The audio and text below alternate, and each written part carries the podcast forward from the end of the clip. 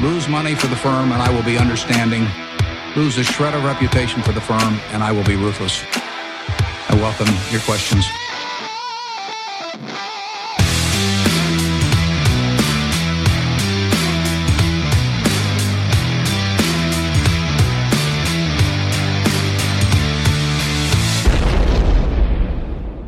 Hej och hjärtligt välkomna till Kvalitetsaktiepodden. Det är jag som är Ola. Jag som är Marcus. Ja, det är jag som är Klas. Det här är avsnitt 159. Släpps natten till torsdag 18 januari. Och som vanligt så spelar vi in dagen innan. Då. Ja, vi blickar ut över ett riktigt vinterlandskap utanför studiofönstret. You bet! Mm. Tänkte, det blåser hårt, det blåser kallt. Mm. Den gamla Strebers, eller var det... Ja, det där kan ju du Ola. Strebers tror jag det var, Högervindar va? Ja. Gammalt punkband från 80-90-talet. Ja, så var det. Nu, nu är det så här att så där blåser det både där och på börsen. Ja. Lite, lite lurigt nu va? Mm. Eh, decemberrallyt har kommit av sig och nu väntar vi alla nervöst på Q4-rapporterna och de kommer ju börja trilla in här så sakteliga inom några veckor. Eh, jag känner i alla fall personligen att marknaden tagit ut en hel del i förskott och eh, även om det kommit ner en del på slutet. Och det här kanske bäddar för den intressantaste rapportperioden någonsin. Vad tror ni? Som vanligt alltså. Ja, när vi inte säger det, det, det, är lite som man säger, det här är, det, här är inte, man säger inte att det är det bästa OS någonsin. Ja, utan då, då, då, är det, då är det inte bra. Alltså. Då är det inte bra. Nej. Då är det inte bra.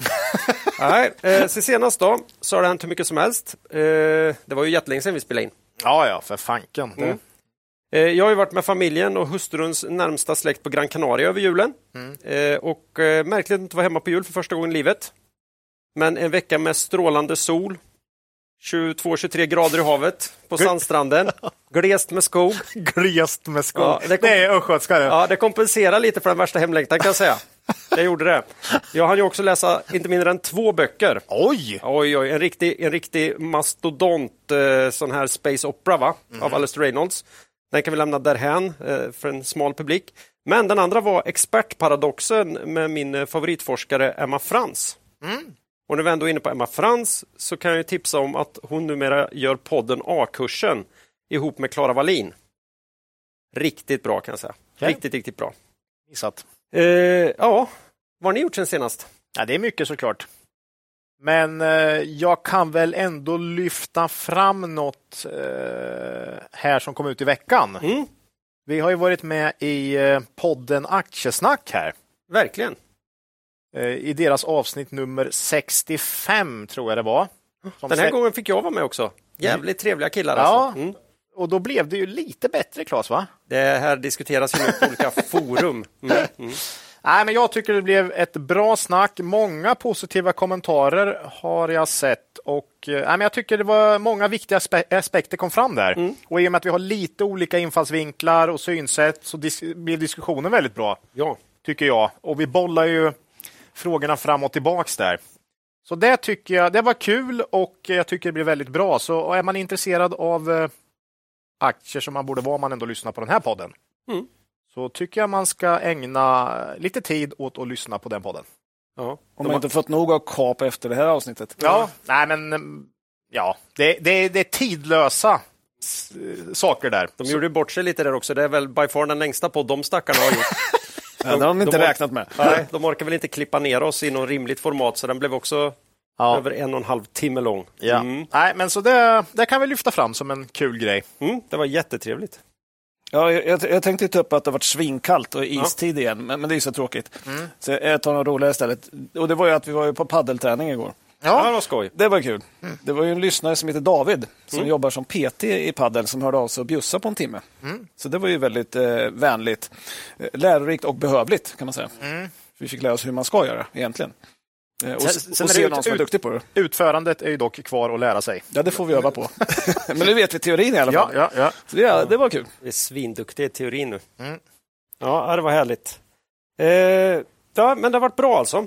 Mm. Ja, mm. mm. absolut. Eh, ja, och några andra då, som till skillnad från mig inte släppte börsen och latade sig i mellandagarna. Vilka mm. kan det ha varit? Oj, ja, den här är svår, men jag, jag, dräm, jag drämmer nog till med kavaljer här ändå. Ja, det var rätt. Det var jag det. trodde du skulle säga du och Macke. Ja. Nej, nej. det hade precis. också varit sant. varit Men sant. nej, Peter och Håkan tänkte jag på. Peter och Håkan på Cavalier, ja. Ja, ja. ja. Ja. För vi har ju idag som vanligt med oss vår huvudsponsor Cavalier AB. Då. Och, eh, ja, nytt år, nya möjligheter. Man kan ju till exempel börja på eller utöka ett eh, befintligt månadssparande. Och i ett månadssparande kan man ha fonder. Och då kanske man vill titta närmare på, om man inte redan har gjort det, Cavalier Quality Focus eh, och eller Cavalier Investmentbolagsfond. Eh, I toppen på Morningstar kategori Sverige små och medelstora bolag. Om vi tittar på treårssikt återfinner vi just nu Cavalier Quality Focus. Kul. Bland ett hundratal fonder där. Det är en väldigt populär kategori ska vi ju säga. Ja. Eh, ja, och eh, där har de inte minst fått en vinstuppjustering i Pandora här. Eh, ett, po- ett positivt mottagande på Dustins rapport. Man kanske många förväntar sig en vändning där. Och en eh, positiv analys av Ratos i affärsvärlden. Ja, så det händer. Och när det gäller just Ratos då så är det ju, det bolaget är ju ett stort innehav i båda fonderna här. Eh, Och eh, vi fick en fråga faktiskt också då av en lyssnare om hur Cavalier ser på bolaget. Eh, Spelar ju vidare den naturligtvis till Peter och Håkan och eh, ja, fick ju deras hisspitch här då eh, på Ratos. Jag vet inte, vi, vi kanske ska några våningar upp här men borde gå att få in i den hissen då kan jag tycka. Ja, ja. Jag citerar här då alltså. Ja. Eh, först och viktigast, Ratos är lågt värderat, P11 ungefär, EV 9. Direktavkastning cirka 4% Det är lågt i, jämförelse med, lågt i jämförelse med börsen i genomsnitt och speciellt i jämförelse med andra förvärvsbolag. Då. Eh, Ratos har en uttalad förvärvsstrategi och det är därför intressant att jämföra Ratos värdering med andra förvärvsbolag som har en betydligt högre värdering. Och då menar vi inte att Ratos ska värderas högre för att andra bolag har en högre värdering, men det kan ju eh, hjälpa till att öka intresset för Ratos-aktien som, som är förhållandevis lågt värderad. Då.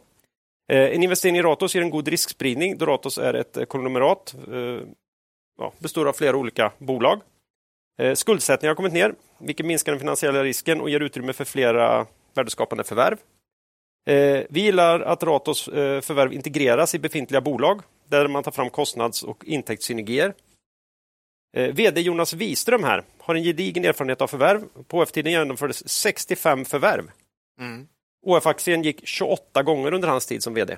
Mm. Eh, sen har vi det här med plantagen. Då. Det hör man ju ofta pratas om i samband med, med Ratos. Då. Eh, volatila intäkter, men inte alls något krisbolag, som marknaden ibland tycks tro. Rapporten för andra kvartalet 2023 var plus 543 miljoner kronor. Det var det starkaste kvartalet i plantagens historia, med undantag för pandemiåren 2020 och 2021.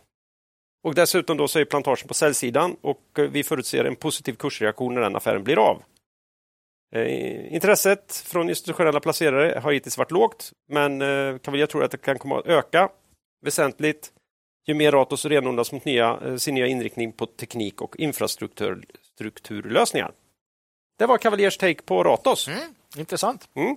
Och vill man veta mer om filosofin bakom Cavaliers förvaltning hittar man all information man kan önska på cavalier.se och köpa in sig i fonderna kan ni göra bland annat hos Nordnet, Avanza och Saver.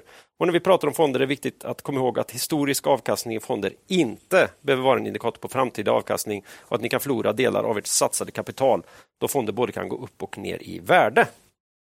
Tack säger vi till vår huvudsponsor Cavalier AB. Vi har ju också ett samarbete med Modular Finance eh, för att se hur vi kan ha nytta av deras fantastiska tjänst Holdings. Ja, det har ju hänt lite där Macke. Ja, nej, men de har ju gjort en uppdatering Mm. eh, och det är det största de har gjort sedan den lanserades. Då. Eh, och, de har ju flyttat över innehåll och skrivit massa kod i bakgrunden. Mm. Och Det här ska ju då ge snabba uppdater- uppdateringar av sidorna. Det är ju bra när man laddar dem. Men, det ska bli lättare att bygga nya funktioner. Mm. Och Då vill de att man skickar in förslag helt enkelt. Om man har någonting som man tänker det här kan vara bra för användaren och det här skulle jag själv vilja ha. Så skickar man in det till Holdings och eh, så kan de titta på och lägga till det. Och Det ska vara mycket lättare nu med nya eh, uppdateringen. Då. Eh, och, och de vill ha en så bra tjänst som möjligt för användarna. Så ta chansen och skicka in förslag till dem och se om man kan få in det i, i Holdingstjänsten och göra den ännu bättre. Mm. Ja, det är om möjligt naturligtvis. Om möjligt. Ja. Eh, det låter toppen. Tack säger vi till Modular Finance och deras tjänst Holdings. Eh, innan vi går vidare i avsnittet vill vi påminna våra lyssnare om att aktieinvesteringar alltid innebär ett stort risktagande. Aktier kan både gå upp och ner i värde. Satsa därför aldrig kapital på aktier som du inte är beredd att förlora. Det vi säger i podden ska aldrig betraktas som köp eller säljrekommendationer. Gör alltid din egen analys av bolagen innan eventuell handel. Ja, då är det ju dags för Aktuellt och då det lite har du varnat för det här Macke. Det har ju, hänt, det har ju gått lite tid sen senast. Det har ju gått en månad sedan vi, vi satt här senast. Mm. Eh, Och spela in. Ja, och spela in. Nu har vi släppt ett avsnitt emellan, men det var ju förinspelat. Ja. Eh, men om man tittar på sen vi satt här senast då, så är det minus 4,2 procent. Mm. Så det, är inte, det bröt den där positiva. Jag kommer att prata om att det hade gått upp fyra gånger i rad tror jag. Något sånt. Ja. Eh, nu var det ordentligt ner. ja, riktigt starkt var det ju där under november, december alltså. Ja, och det fortsatte ju upp efter vi spelade in senaste gången under mellandagarna eh, fram till årsskiftet. Eh, men, sen eh, när det blir nytt år, då blir marknaden jätteorolig helt plötsligt. Ja. Det är inte lätt att hänga med ibland. Nej. Det var många som avgav löfte, jag ska inte äga övervärderade bolag. Ja, eller vad det var. Mm. Nej, det är jättekonstigt. Jag menar, det borde inte spela någon roll att det är nytt år. Liksom. Så.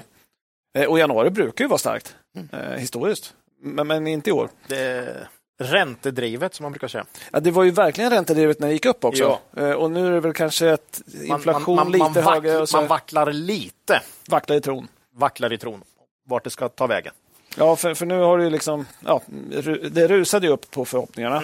Eh, och eh, för oss där så blev det lite jobbigt. Så. För vi tyckte att de flesta signalerna från bolagen snarare var negativa. Och så rusar kurserna 20-30, kanske 40 procent på en del bolag. Så istället för TINA så är det fortfarande TIA. Ja, there is altern- alternative. Ja, precis. Så att, eh, vad vi gjorde då var att vi skalade rätt mycket, särskilt i december. Verkligen. Eh, Jag så tror vi gick från 90 procent investerat till typ nu 65-70 någonting va? Ja, precis. Från 10 procent likvider till 35 ungefär. Ja. Och det är en ganska stor förändring för Det är oss. jäkligt stort. Men aktierna gick ju som skållade råttor också. Ja, Så, och, och då krömp mosen ihop i många bolag. ja. Eh, Sådär. Så att vi, vi får se lite grann. Vi, vi, vi, 35 procent är för mycket likvider egentligen. ja, det känns ju aldrig kul. Nej. Men eh, nu kommer ju snart rapporterna. Kanske man kan få lite, lite ny information och, och välja vad man tycker känns bäst och, och se vilka som... För det är fortfarande så att det är jäkligt tuffa tider för många bolag, även om marknaden senaste månaderna, ja, förutom sista veckorna nu, då, har tagit ut någon form av konjunkturvändning. Då. Ja, man tittar långt fram Man kändes det tittar som. långt fram och man brukar inte vara riktigt så långt fram känner jag. Men visst. eh, Ja, det brukar vara svårt att vara så långt fram när man får facit. Ja, ja. Typ. Nej, oerhört svårt att, att, att blicka. Man- Det enda man kan hålla sig i är vad man tycker bolagen bör vara värda på något sätt. Ja. Nej, vi får se om vi i rapportperioden kan hitta lite intressant Ja. eh, att Det köpa. har, Så. det har ju inte, det har inte regnat eh, vinstvarningar än i alla fall. Nej. Men Nej. var det inte lite så sist med och sen kom det ganska mycket sent? va? Ja, fast sen hade vi en väldigt bra rapportperiod senast. Ja, så det vi kan hoppas på något liknande. Mm, mm. Ja, vi får se. Det har inte varit jättemycket vinstvarningar Nej. än så länge. Nej. Inte ens några danska. Omvända då. Ja. Eh, men om man tittar på förra året då. Eh, vi gick ju 25 procent plus då. Under året, eh, ja. Under året. Mm. Eh, Helt okej, även om vi inte riktigt slog index med 15 procent som vi har som målsättning. Nej. internt.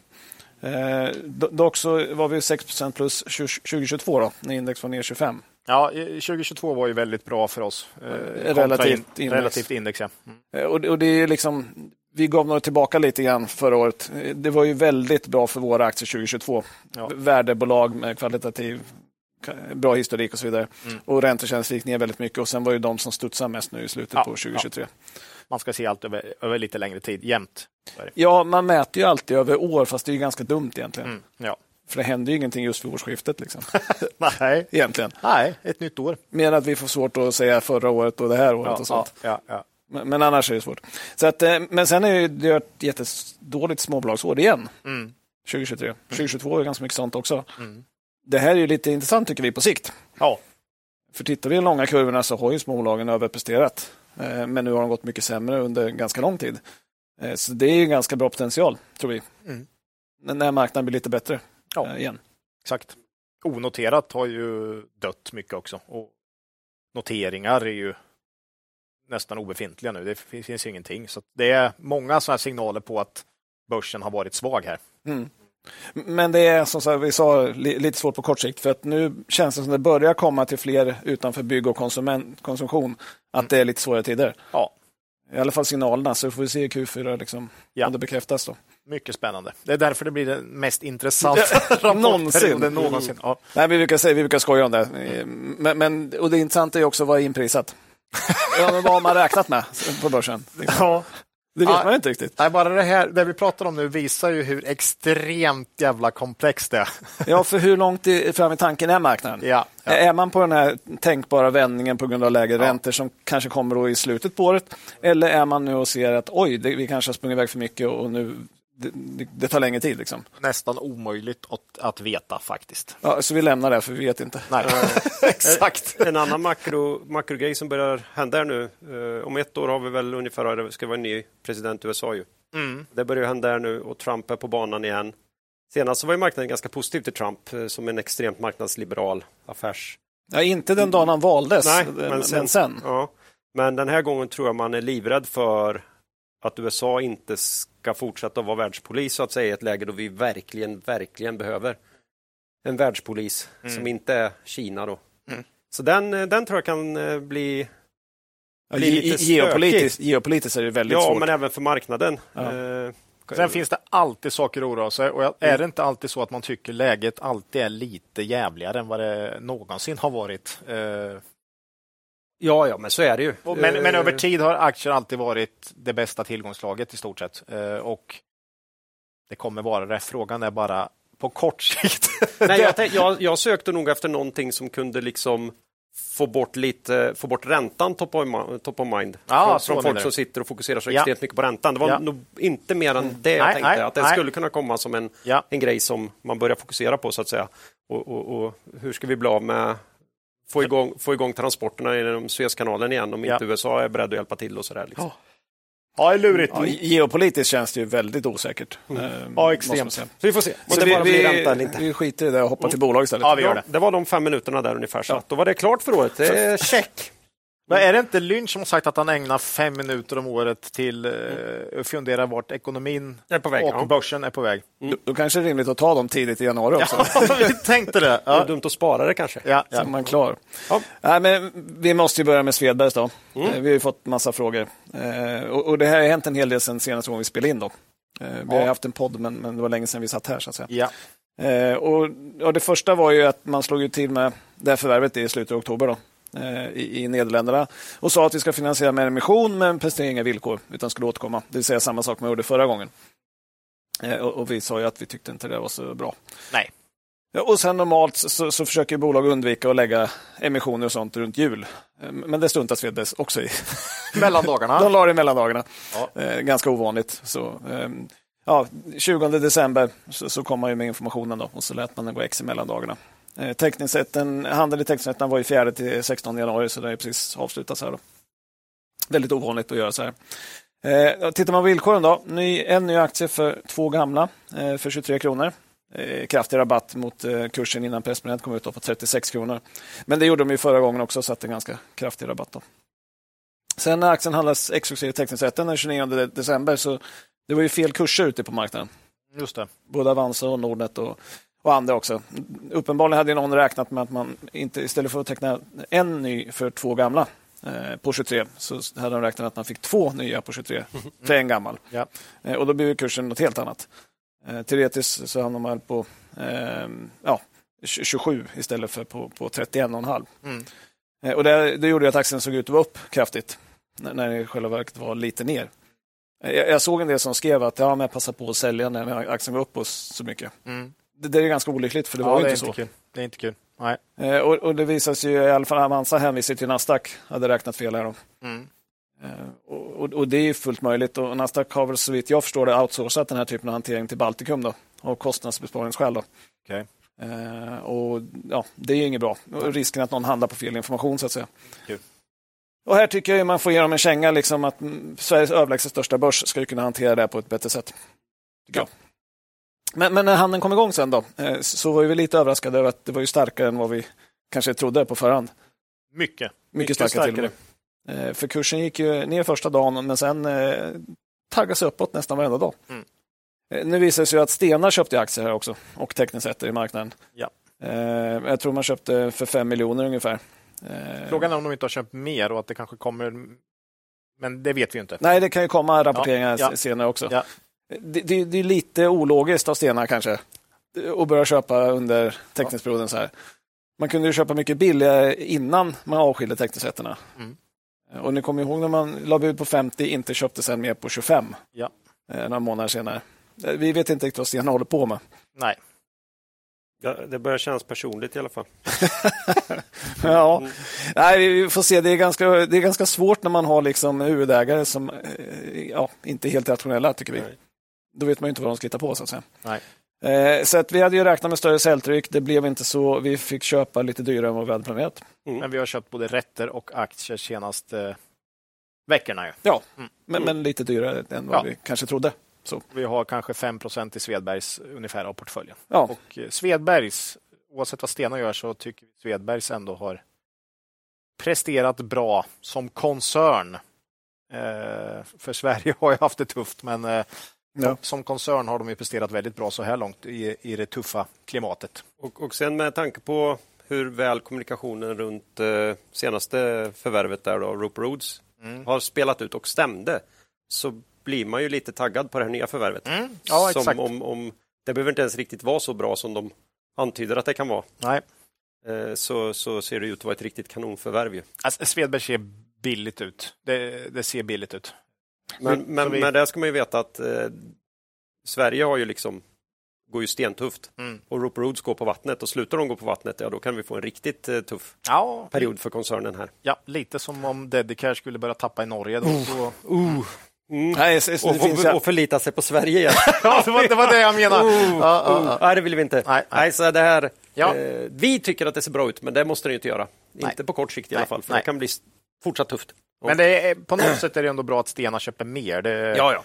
det visar ju ändå att de. Den var ju sista rapporten jättestor. Vi sa Ja. ju det att vi hade trott på 10-15% uppgång och Ja. det gick ner istället på Ja. grund av att man då sa att man skulle göra emissionen. Så att säga. Och sen har de ju spesat två första månaderna, månaderna. i Q4, va? Ja, Ungefär. Så, så det ger ju också Fast det är lite... inte nya förvärvet då än. Nej, Nej, men så, att det- Q4-rapporten ska ju inte kunna bli så överraskande. nej. Det är mesta ute där så att säga. Men den har man skjutit fram till sista dagen i.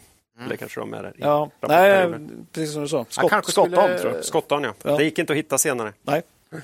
Vi har funderat på att fixa nytt badrum i flera år. Det är kanske är dags nu för att stötta Svedbergs lite. Ja, då skulle jag, om jag vore du skulle jag titta på det här eh, holländska lyxvarumärket eh, Tebalux. Eller? Tebalux eller vad det möjligtvis kan heta. Det tror jag skulle kunna vara riktigt bra.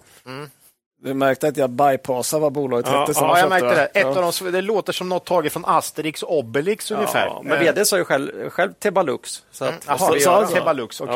Ja. Ja, det tror jag inte det heter. Men ja. Jag säger Tebalux. jag tänker inte försöka. Okej. Jag hoppar den. Vi, vi går vidare till Betsson istället, för det vet jag att det heter så. Betsson, ja. Ja. Jag har sett att dock att vissa skriver med två T och ett S. Jaha. Men eh, Finns lite olika, det alltså. är ju fel. Det är de som skriver Buffett med bara ett T på slutet också. Eh, Också fel. Eh, Det är inte lätt där Det är ute. de som är hungriga. Buffé.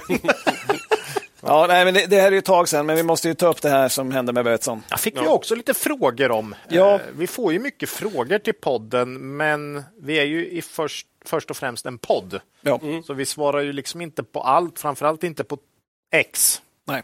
Men det Eh. påverkar ju vad vi tar upp här. Ja. Men du, man kan inte förvänta sig att få snabba svar Nej. direkt över eh, Marcus är väldigt duktig på att svara på mejl, men vi kan heller inte svara precis allt. Nej. Nej. Men, men man kan skicka in och sen kan vi ta upp saker i kommande I, poddar. I podden, så att ja, säga. exakt. Eh, Och Betsson måste vi beröra och det är den här domen då såklart som kom kring dotterbolaget BML eh, 21 december. I den här domen då slår man fast att BML, Betssons dotterbolag, då, ska Mm. betala tillbaka 5,5 miljoner kronor till den här kunden, då, de 7 miljoner som han spelade bort när han var eh, kund hos Betsson eh, för länge sedan. Det här är ju gamla, gamla saker. Så att säga. Eh, Det skildes ju från den tingsrättsdomen som kom i samma ärende innan då, där ja, domen föll mot, eller åt BML då, och att han inte skulle betala tillbaka några pengar. Vi är inte jurister, får vi ju säga ändå. Du. Jag har läst både gamla och nya domen. Ja. Stora skillnaden ligger i att tingsrättsdomen slår fast att BML Betsson då inte kunde veta att han var spelberoende förrän han hörde av sig eh, 14 oktober 2014 och ville stänga av sig själv. Då, för att han hade liksom kommit till vägs ände kan man säga. Medan hovrättsdomen säger att nej, men ni borde ha redan vetat om det här den 16 januari 2012 när ni gjorde honom till VIP-kund. Då skulle ni ha insett att han hade ett osunt spelande, ett beroende där. Och all marknadsföring som ni har gjort till kunden efter det har då Stridit mot ut- lagen. Ja, utnyttjat hans, eh, Ja. eh, ja, hans situation så att säga och därmed så får man betala tillbaka de pengarna som har skett. Ja, de får ju faktiskt böta en, eh, alltså de får ju också en bot, eller han får också ett skadestånd för att han har lidit psykisk skada på grund av det som Betsson gjorde mot honom där. Då. Var det så också? Ja. Det är därför det är två, en del i euro tror jag och en del i, i SEK. Det var inte mycket pengar, men det är Nej, det var väldigt lite i så fall. Tror jag. Ja, men det är det. Och sen så ska de ju naturligtvis också betala hans rättegångskostnader. Då. Just det här resonemanget i domen med att, att eh, det var först när han blev VIP-kund eh, som de skulle ha kännedom om det här. Snävar in situationen lite grann. Ja. Men det är ändå rimligt att det finns ganska många andra i ungefär samma situation. Mm. Så, så frågan är vad händer nu? Ja. I den här domen så säger man då att praxis är begränsad av den här aktuella avtalsparagrafen då, som det man har dömt kring. Då. Eh, och på slutet av domen säger man att den här domen ska kunna prövas av HD. Då. För det är inte alla de, sådana här domar tydligen som kan det, men här har man uttryckligen skrivit att den här domen kan testas av HD. Ja, den är ju ganska viktig, Ja, får man säga, för rättsläget så att säga. ja och framförallt så går den emot så som man har dömt tidigare. Så att Ja, säga. ja. Eh, och Betsson har ju själva sagt då i någon kommentar att de ska överklaga till HD. Mm. Jag tror att det är ganska sannolikt att den här kommer tas upp i HD. Mm. Eh, eftersom ja, den, den skiljer sig en del från hur det har sett ut tidigare. Så att säga. Eh, kursen följer 7,5% på informationen ner till 105 då. Men återhämtas ju sen någon vecka senare och var tillbaka i princip där det var innan. Så att säga. Mm. Eh, så att, eh, ja, marknaden blev rädd först och inte ja, Brukar återhämta sig sen. det, det är ju inte första gången Betsson, Betssons kurs rör på sig när det kommer ut olika ja, legala Nej. eh, saker i olika länder. Så är det ju. Nej, men det är, ja, vi sagt. Eh, Nor- Norge har ju flera gånger gjort att kursen har droppat 10 procent skulle jag säga. Eh, Så, Och, och det är precis den här typen av regulatorisk risk, som vi har pratat om ja, i iGaming-bolagen. Ja. Som man liksom får leva med lite grann om man investerar i dem. Mm. Ehm, ja. personligen så tycker jag ju om, om ett spelbolag utan tvivel kan veta att någon har spelproblem och man pushar, då tycker jag det är rätt att man ska böta. Det, Nej, det är det, ju inte bra på något det, sätt. det måste jag säga. Eh, Jag vet inte exakt hur det har varit här. Jag kan inte det här. Liksom. Men, Det, men, man, det man kan säga här är ju att och är det utan tvivel, för vissa spelar ju säkert, Betsson tjänar säkert jättemycket pengar på vissa VIP-kunder, men de kanske har extremt mycket kapital och gör det här som någon form av förströelse för någon promille av sin, sitt kapital. Då är det ju kanske inte någon spelberoende. nej, det är ju svårt att titta på samma beteende från två olika Ja. spelare och så säga att ja, det, här är ett, det här är ett typiskt missbruksbeteende. Nej. För det har ju ofta att göra med liksom hur mycket pengar satsar du i förhållande till vad du har att disponera. Ja, Det är ja. ju så du kanske kan... Men att, den här, hur, får, hur får du tag i de här pengarna? Och det kan ju spelbolaget sällan veta. men att den här människan var spelberoende, det är ju helt uppenbart. Men Ja. visst, eh, alltså, när Mm, ska ett spelbolag identifiera, det är väl det. När ska man kunna identifiera det? Är- Så fort man blir VIP-kund kan ju inte räcka. Nej. För, är, är du med? Men, men, men däremot, det finns kanske signaler här som man definitivt... Och idag jobbar man ju med det här. Ja, idag ja, men då. Det var ju mer High Ja, Chaparral var. 2011, 12 än vad det är idag. Ja. Så, så att, eh, ja. Och, och här har ju domstolen gått just på det här med att han blir VIP-kund. Mm. Och skulle det räcka, ja, men då kan man ju kanske prata liksom, möjligtvis grupptalan och sånt där. Men, men det är ju tveksamt skulle jag säga, för jag, jag tror att det finns ganska många som blir VIP-kunder. Det kommer in en storspelare till bolaget, de har aldrig spelat här förut, Nej. men eftersom man är en storspelare så kräver de att få bli VIP-kund direkt och bli VIP-kund. Mm. Ja. Då har de ingen historik alls för att säga någonting. Eller någon kändis kommer in som säger att jag kan spela och se, men jag vill ju vara VIP-kund för jag är ju faktiskt stor och känd. Ja. Och så vidare. Så att jag tror inte det räcker som kriterium. Nej, det kan, alla VIP-kunder är ju inte spelberoende, tror Nej. inte jag. Nej, men menar det. Däremot så kanske en större andel, möjligt. Det Men, men det, vet, jag, det, det vet jag inte. Men, Men, men då tror jag ändå man landar i att det blir enskilda casen som måste varje case för sig måste Ja. bedömas i domstol. Så Det är jag helt övertygad om. Ja. Det, det finns mycket, en grej som media och den här advokaten och folk runt omkring har försökt liksom smeta med var ju att man, man hade ytterligare en, ett yrkande och det är ju att allt spelande som har skett från ja, utanför Svenska Spel som hade monopol på det här och sen fanns det väl lite partilotter och grejer, att det på något sätt skulle vara olagligt. Att, det, att det, de kunde inte ingå avtal så att säga för det här var inte en tillåten spelform i Sverige. Det har ju domstolen inte gått på, även om det nu försöker antydas i diverse medier och så här som försöker blåsa upp något. Det är inte det som domstolen har gått på, för de pengarna som är bortspelade vid den tiden som var innan, i flera år innan man anser att den här tidpunkten, av VIP-tidpunkten kan vi kalla den, de menar man ju på att nej, men de, de kan han inte få tillbaka. Nej. Så, där, så, så, in, så Ja, indirekt de så, går så, ju- så man ifrågasätter ju inte avtalets, avtalet i så- giltighet Nej, okej. som sådant. Okej. Utan, utan det är ju att det är inte okej att ingå avtal med någon när du nyttjar att den är sjuk. Nej. Du ska inte hålla på och kränga sprit till en alkoholist. Nej. Nej, men jag håller helt med. Och, och det här gör ju, tror vi då ändå, att det här är ändå, det blir, det blir prövning på individuell basis. mm. Och då, då blir det aldrig lika mycket pengar som det kan bli om det är grupptalan eller liksom så stort. Så vi, vår gissning är ändå att det här, är- det är klart det är negativt på, på marginalen, men, men det är inte något som, som fäller Betsson. Så. Och det fäller de ju inte liksom i den nuvarande verksamheten nu när vi har licenssystemet. Det här är ju en fråga om hur, hur, vilken smäll blir det på balansräkningen i min värld. Ja, det är ju gamla grejer. Det här är gamla grejer. Eh, Jag gillar ju domen. Jag tyckte ju det här var en mycket rimligare dom än den första. För jag gillar ju faktiskt att folk ska ha någon slags skydd mot företag som eh, ja, u- utnyttjar, alltså all typ av ocker och så är jag ju extrem motståndare till. Ja, men när jag läser Eller den, smsa lån och all sån här skit. ja, jag men när jag läser den här, smsa låna, den känns för mig, där borde det, Ja, det borde- verkligen ja, tas det tag. borde öppna upp för eh, talan där också. Ja. Att Och- man har utnyttjat. Ja, Ja. Ja, men man kan ju dra det här ännu längre också. Jag menar, en person som tvångsmässigt handlar kläder. det det jo. finns ju sådana som beställer Ja. väldigt, väldigt mycket kläder från någon viss sajt. Eh, Den kommer ju också då få VIP-erbjudanden och såklart. rabatttrappor. Ja, ja, och ja, bolaget märker att den här kunden köper jättemycket kläder. Jag fortsätter att skicka rabatter till den och så vidare. Har de något ansvar för att inse att den här personen kanske har ett sjukligt samlande på kläder eh, på samma sätt då? ja.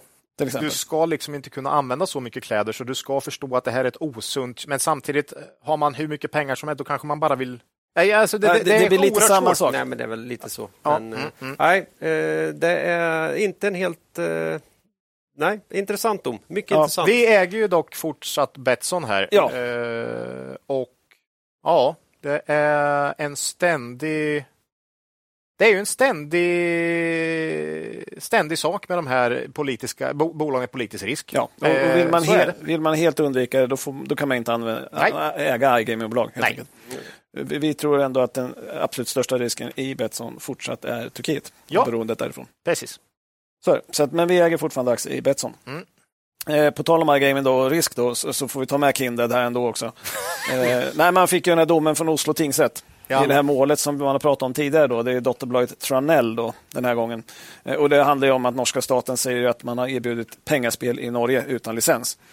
Eh, Kindred säger att det är inte vi som har, något spel i Norge utan vi har ju bara en eh, Dot com .com-sajt. sajt. Och så hittar normen till den. Så Mm, att säga. Eh, Men nu gick ju den här tingsrätten på norska statens linje. Kanske inte helt överraskande. Nej. Ganska vanligt att eh, rätten ändå gör så. Eh, på alla punkter. Och det här skulle då enligt de norska uppgifterna kunna kosta Kindred upp mot en halv miljard. Väldigt, väldigt mycket mer än Betsson-domen så att säga. Ehm, och den här summan baseras på ett vite om 1,2 miljoner per dag som den norska spelmyndigheten eh, har ju då bedömt att man har eh, tagit emot norska kunder så att säga. Vi har ju pratat om det här när det kom i podden och eh, Kindred sa när det här kom eh, att, att man skulle analysera domen och fundera på om man skulle överklaga eller inte. Det är inte säkert att man vinner i nästa instans i Norge mot norska staten heller. Så att säga. Vi får se vad det tar vägen. Men, men det är till exempel på den här regulatoriska risken som, som finns inom iGaming. Mm. Eh, sen tror jag inte Kindred föll sig fantastiskt mycket just på den här för att den har ju varit skapligt eh, känd sedan tidigare. så att säga. Ja. Eh, vi, vi, vi har inga aktier i Kindred i dagsläget. Vi pratade om det tror jag, efter senaste rapporten, men det är mer för att vi tycker kanske inte de har levererat rent operativt som vi hade hoppats på. Nej. Eh, precis. Be ja, jag, jag, tänker ofta lite på den här Swedish Match-liknelsen med snus och cigaretter. Mm. Men jag tänker på betting och att snus kanske ändå är relativt sett bättre för samhället än cigaretter. För vi kommer nog tvingas leva med något av dem. Ja, att, att det på något sätt ändå... Eh, ja, och förbjuder man saker då brukar det gå underground på något sätt. Ja, det gör ju det. Ja, eller det gör det. Ja. Så, så att frågan är vad som för samhället... Ja, det kanske är ja, nej, men Vad som är minst skadligt. minst skadligt. Liksom. Eh, och då kanske Kindred och, och Betsson ändå är ett bättre alternativ i Sverige än de här svarta. Liksom. Ja, Mm. och, och, och det är ju rätt säkert så att det sköts mycket bättre nu än på, på vilda västern-dagarna i början på 2010-talet. Såklart. såklart. Ja. Så, så att det är bättre nu. Och det, och, och det är väl för att man har tvingat fram regleringar och mer regler och sånt, och, så, så, att det sköts på ett annat sätt. Så och, jag, och jag tror aldrig att man får bort spelandet från människan, eh, utan det kommer nog alltid finnas folk som vill spela. Och, jag och, tror de, och de gör det på ett eller annat sätt, så att säga. Och jag tror de här noterade bolagen som har liksom strålkastarljuset på sig lite grann mm. också eh, tänker mer på, på ja, de här frågorna kan... än de som är onoterade. Och, skulle, liksom... skulle, skulle förvåna mig om de var sämst. Ja, så så kan vi säga. Så. Men såklart, eh, ändå ledsam och tragiskt hela den här Alltså eh, hela domen och det som har hänt. Mm. Eh, bara att någon ska kunna om det nu har varit så att man har känt till att den är spelberoende och man har pushat, då känns det ju inte alls bra. Nej, det är inte bra. Det känns inte bra. Nej. Nu är vi tillbaka på Betsson igen. Här. Ja. Mm. Eh, Kindred säljer till normen, de har hur mycket pengar som helst. där har vi så där finns det inga spelberoende? Där finns det inga spelberoende. Okay. Det, ja. Ja, nej, vi hoppar, vi hoppar det över. Det, det, var ett skämt. Det, det, det, det, det fattar nog alla. Mm. Ja, nej. Ja, ibland nej. måste man tydliggöra sånt. Ja. Så är det. Eh, vi hoppar vidare, ja. Eh, men vi stannar i Norge. Mm. Norska Europris. Mm. Eh, de har ju haft den här tvisten med ägarna av överskottsbolaget. Ja. Mm. Runsvensgruppen. Mm. Och det är den här optionen man tecknar om att köpa 80% av ÖB. De som Europris inte äger, för man har ju 20 procent. 18 december så kom det då att skiljedomstolen fattade beslut i frågan. De gick i linje med Europris argumentation. Då. Parterna har ju tvistat om vilket ebitda-resultat man ska ha för 2019. Det är ju då såklart eh, Europris vill ha ett lägre resultat och tyckte att det var lägre och eh, ägarna av ÖIB tyckte att det var ett högre. För man kopplar köpeskillingen till ebitda. Exakt, ja. en multipel på mm. ebitda. Då. Ja. Eh, och det man kom fram till nu i ett pressmeddelande var att man ska betala 211 miljoner norska för 80 procent av aktierna i överskottsbolaget. Då. Det låter rätt lågt om man kollar på att överskottsbolaget 2022 omsatte 4 miljarder. Mm. Så PS-multipeln blir inte jättehög här. Nej, kan de få upp, kan, kan de få upp det till Europris marginaler, då är det riktigt billigt. Alltså. Ja, det tror jag är svårt. Men, men eh, visst, då blir det riktigt, riktigt billigt. ja. Nej, men mm, sen kan man kolla i för att eh, överskottsbolaget har inte haft någon tillväxt att tala om. Faktiskt. Sen, sen 2014 så hade de också 4 miljarder i omsättning. Så att den har stå, precis stått still. De har en marginal på 1,5 procent. Det är ju extremt mycket lägre än Europris 14. Då. Ja. Men det är fortfarande ett lågt pris. Eh, men sen är inte det klart. då. Rubriken var ju när jag såg det här att mm. det var klart. Ja. Men tydligen ska man komma överens om ebitda för 2020 också.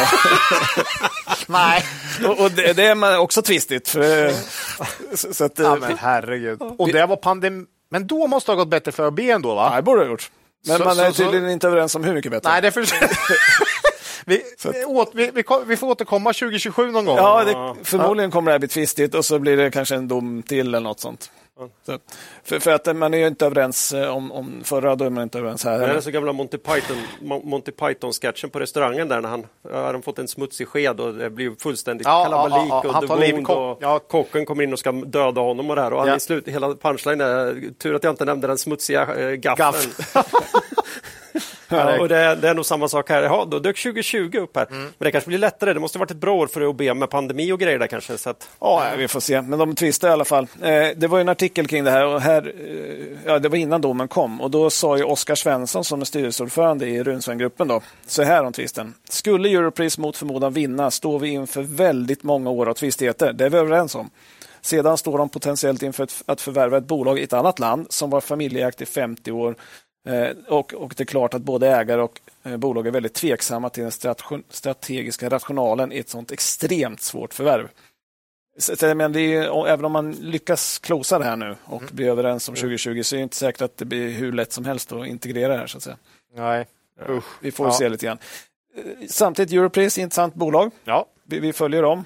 Vi tycker de är ganska rimligt värderade i nuläget. Mm. Och då har vi då inte lagt in någonting gissning på överskottsbolaget för vi har ingen aning om när det här kan bli klart. Liksom. Nej. Nej. Nej, det... det alltså, jag, den här Runsvän-grejen, alltså det, någon, är, någon är ledsen över att de skrev ett...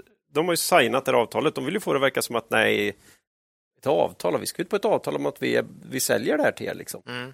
Ja, det har ju uppenbarligen hänt. Ja, och nu beter man sig sedan länge, så, nej men det där vet jag inte. Det, där, det förstår väl alla att det inte var rimligt. Ja. För, för, för, för, för, Man, man undrar ju vad som har hänt för här. de har skrivit någonting i avtalet som går att tvista dock, såklart. Ja, det, det är någonting. Det var ju inte vad- våran idé att det skulle vara ebitda. Är det din namnteckning? här? Ja, det är Ja, det. Ja. Eh, Okej, det här med och, och vi måste avtal. justera. Ja, okej. Mm. Och, och när man säger vi är väldigt tveksamma till den strategiska rationalen om affären. Ja. Okej, det har ändrats då sedan ni skrev avtalet Ja, eller? ja. För, för det kan du inte tvista om, kan man tycka. Nej. det är konstigt. Det, det, hela historien är märklig. Ja. Och den kommer att hålla på ett tag till. Ja. Så vi återkommer. Spännande. En liten sak kring analytikerprognoser. Eh, vi, vi hade Hexatronic i avsnitt 152, Ja. 12 oktober. Aktien stod i 43 kronor. Vi sa att vi avvaktar för vi kan inte göra några prognoser. Eh, Vi var osäkra på om det marginallyftet som bolaget har gjort skulle visa sig bestående. Eh, Men vi tog då upp prognosen som analytikerna hade, som vi läste ut ur Factset 4 oktober. De trodde då på en vinst per aktie 2024 på 4,63 och för 25 5,44. Det går då P på knappt 8 för 24 och 6,5 för 25.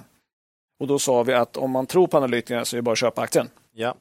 Men vi sa att antingen har ju marknaden fel eller så har analytikerna fel. Mm. Eh, Och nu har det gått tre månader till och vi fått svaret. Ja. Och det är in- Aktien är ner 50 procent ungefär. Ja, så det inkom ju att analytikerna hade fel. Då. Mm. För nu har de skruvat ner prognoserna tre månader senare. Nu tror man på 2024 om 2,35 kronor i vinst per aktie. Det är 57 procent ner på prognosen. Mm. Eh, 2025 har man skrivit ner 45 procent till 3,58. Ja. Och det är extremt kraftiga nedrevideringar på tre månader. Ja, det är sjukt. Och marknaden, marknaden då, som en enhet på något sätt total, eh, har ju då insett, eller åtminstone som total sänkt aktien långt innan. Ja, långt innan. Ja. Och, och det tar väl ett litet tag innan liksom, det slår igenom i prognoserna i Excel-arken så att säga. Ja. Men, men, det vi, men där vill vi egentligen bara belysa det här igen, att, att vara försiktiga med prognoser för analytiker. De har ju ingen spåkula de heller. Nej. Eh, ja, och, och, och särskilt när det är sådana situationer där, där kurser faller handlöst. Titta då inte på, på gamla prognoser och säg att nu är det Nu, är det, det P6. Nej, det är inte alls säkert, för det, det kan lika gärna vara P14. Ja. Eh, Exakt så. Ja. Så, så att, eh, rent generellt sett eh, tycker vi också att man ska vara försiktig med alla som är tvärsäkra på saker på marknaden. ja. Alla som säger att de vet hur det ska gå, de, de, det, det vet de inte alls. Nej. Eh, och vi tycker ju däremot, ju längre man håller på med börsen, desto osäkrare blir man. Nästan.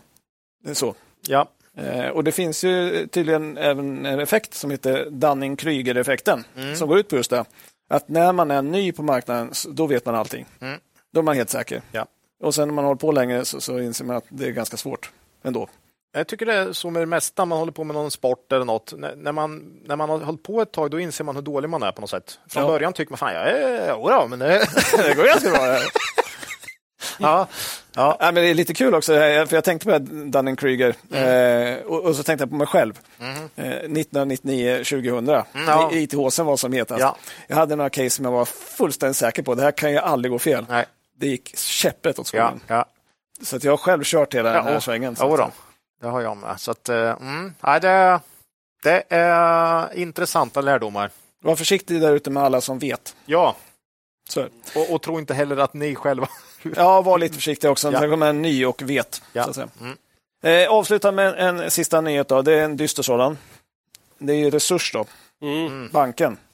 Eh, kom ju den 16 januari, så det var igår faktiskt, när vi spelade in, med en vinstvarning. Eh, bolaget förutspår ett lägre resultat för fjärde kvartalet 23, följt av organiska kreditförlustreserveringar om 419 miljoner. Och då säger man så här, eh, citerat då, dessa beror på ökade modelldrivna reserveringar till följd av en ökning av kunder i betalningsdröjsmål samt högre defaultvolymer i huvudsak inom affärsområdet Consumer Loans i Sverige och Finland. Mm. Lite, lite kul, det var någon på Twitter som hade bett ChatGPT att översätta det här och sa att de har förlorat lite pengar på, på att kunder inte kan betala tillbaka lånen. Ja. Så det var det det betydde. Ja, Där fick man nytta av chatt eh, Mm.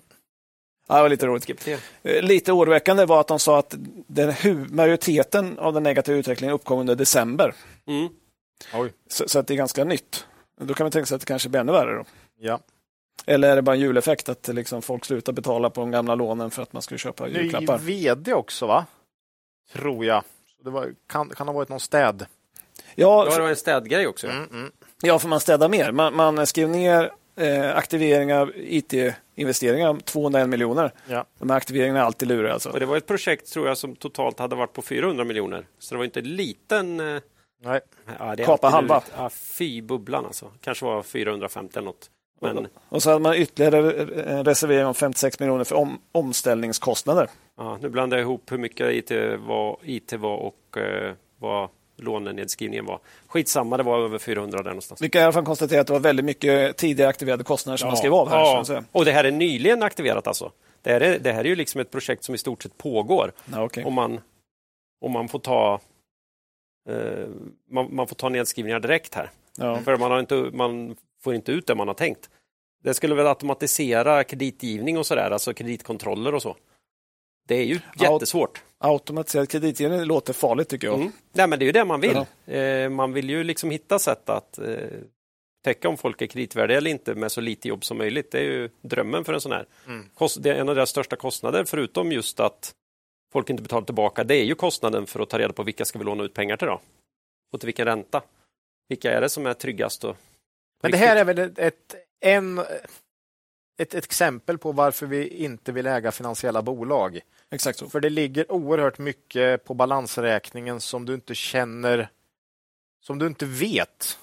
Nej, det går inte att genomlysa. Nej, det går, alltså du vet inte. Så, så om man bara kollar på PE här, alltså ser det billigt ut, men om du drar av de här pengarna från senaste fem årens vinster eller Ja, de här aktiveringarna och ja, så vidare. nej, men då, då blir det ju inte så bra Nej. I snitt.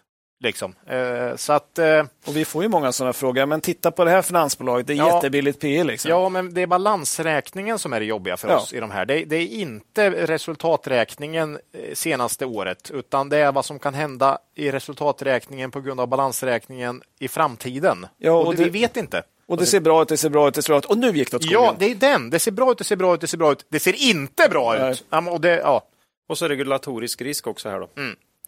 Eh, i, I att kraven kan ändras eller det kan visa sig att man har man har tajtat för mycket på något sånt där eh, kärnprimär kapitalkrav eller Ja. något, något sånt här.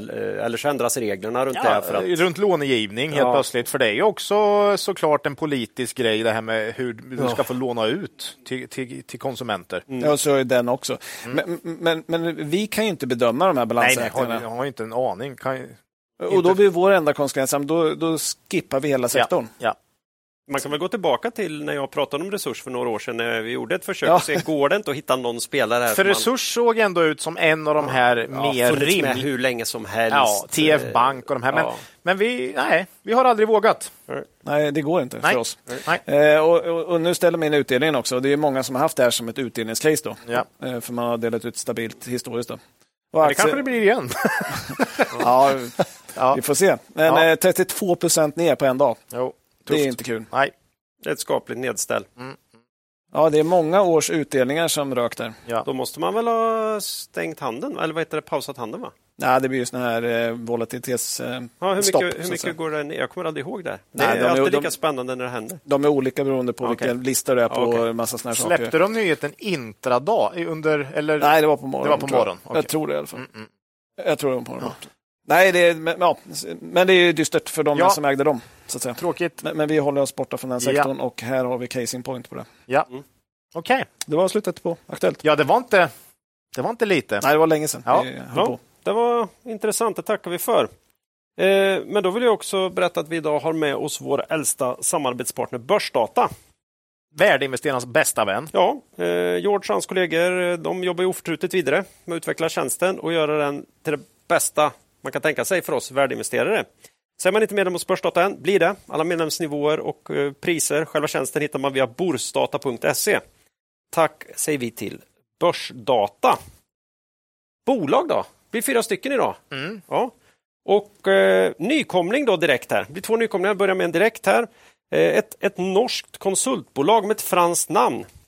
Och här tänker jag så här, Macke får avslöja vad de heter, men ni som Bouvet, ni Bouvet, så att säga.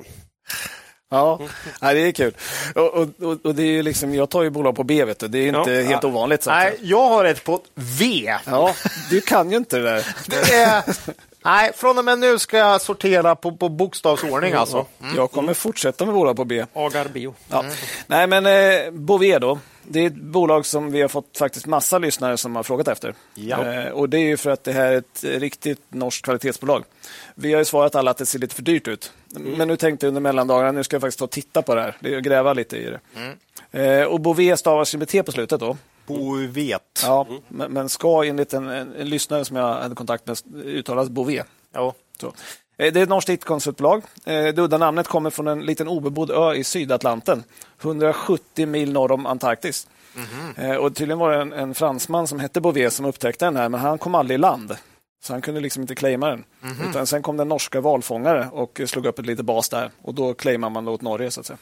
Okej. Och sen tog Bouvet det här för att det är liksom den ön i det, liksom den stabila ön i det oroliga farvattnet. Så, att säga. Okej. så, Ja. så var det. med. Snyggt. Sen eh, skapades bolaget då en fusion av Cell Networks AS och Mandator AS 2001. Förmodligen eh, det verkar vara norska dotterbolagen till de kraschade stora svenska IT-bolagen. Då. Kommer ju vi ihåg, Marcus. Ja, det är lite klassiskt. Så. Ja. Eh, och man noterades på Oslo Access eh, 15 maj 2007. Eh, marknadsvärde 350 miljoner norska. Eh, 300 anställda. Flyttat till Oslo Börs 30 november 2010 och har växt jättebra sedan dess. Eh, man har idag ett börsvärde på 6,3 miljarder. ja, det är ju härligt. 17 gånger upp från noteringen. Ja, det är sjukt bra. Det är bra gjort. Eh, knappt 2300 anställda, ungefär ja, knappt 700 procent upp. Då.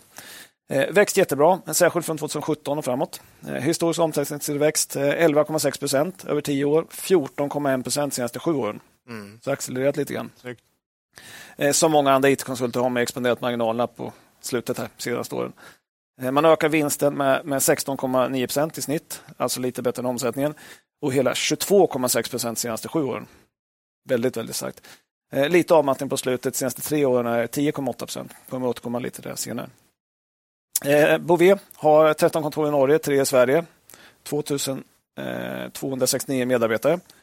En konsultfirma är ju liksom största vikt att få tag på personal. Man säljer ju medarbetarnas tid. Liksom. Mm. Eh, och ja, om, man, om man tittar i snitt då har man växt antal anställda 10 procent ungefär de senaste sex åren. Mm. I princip organiskt.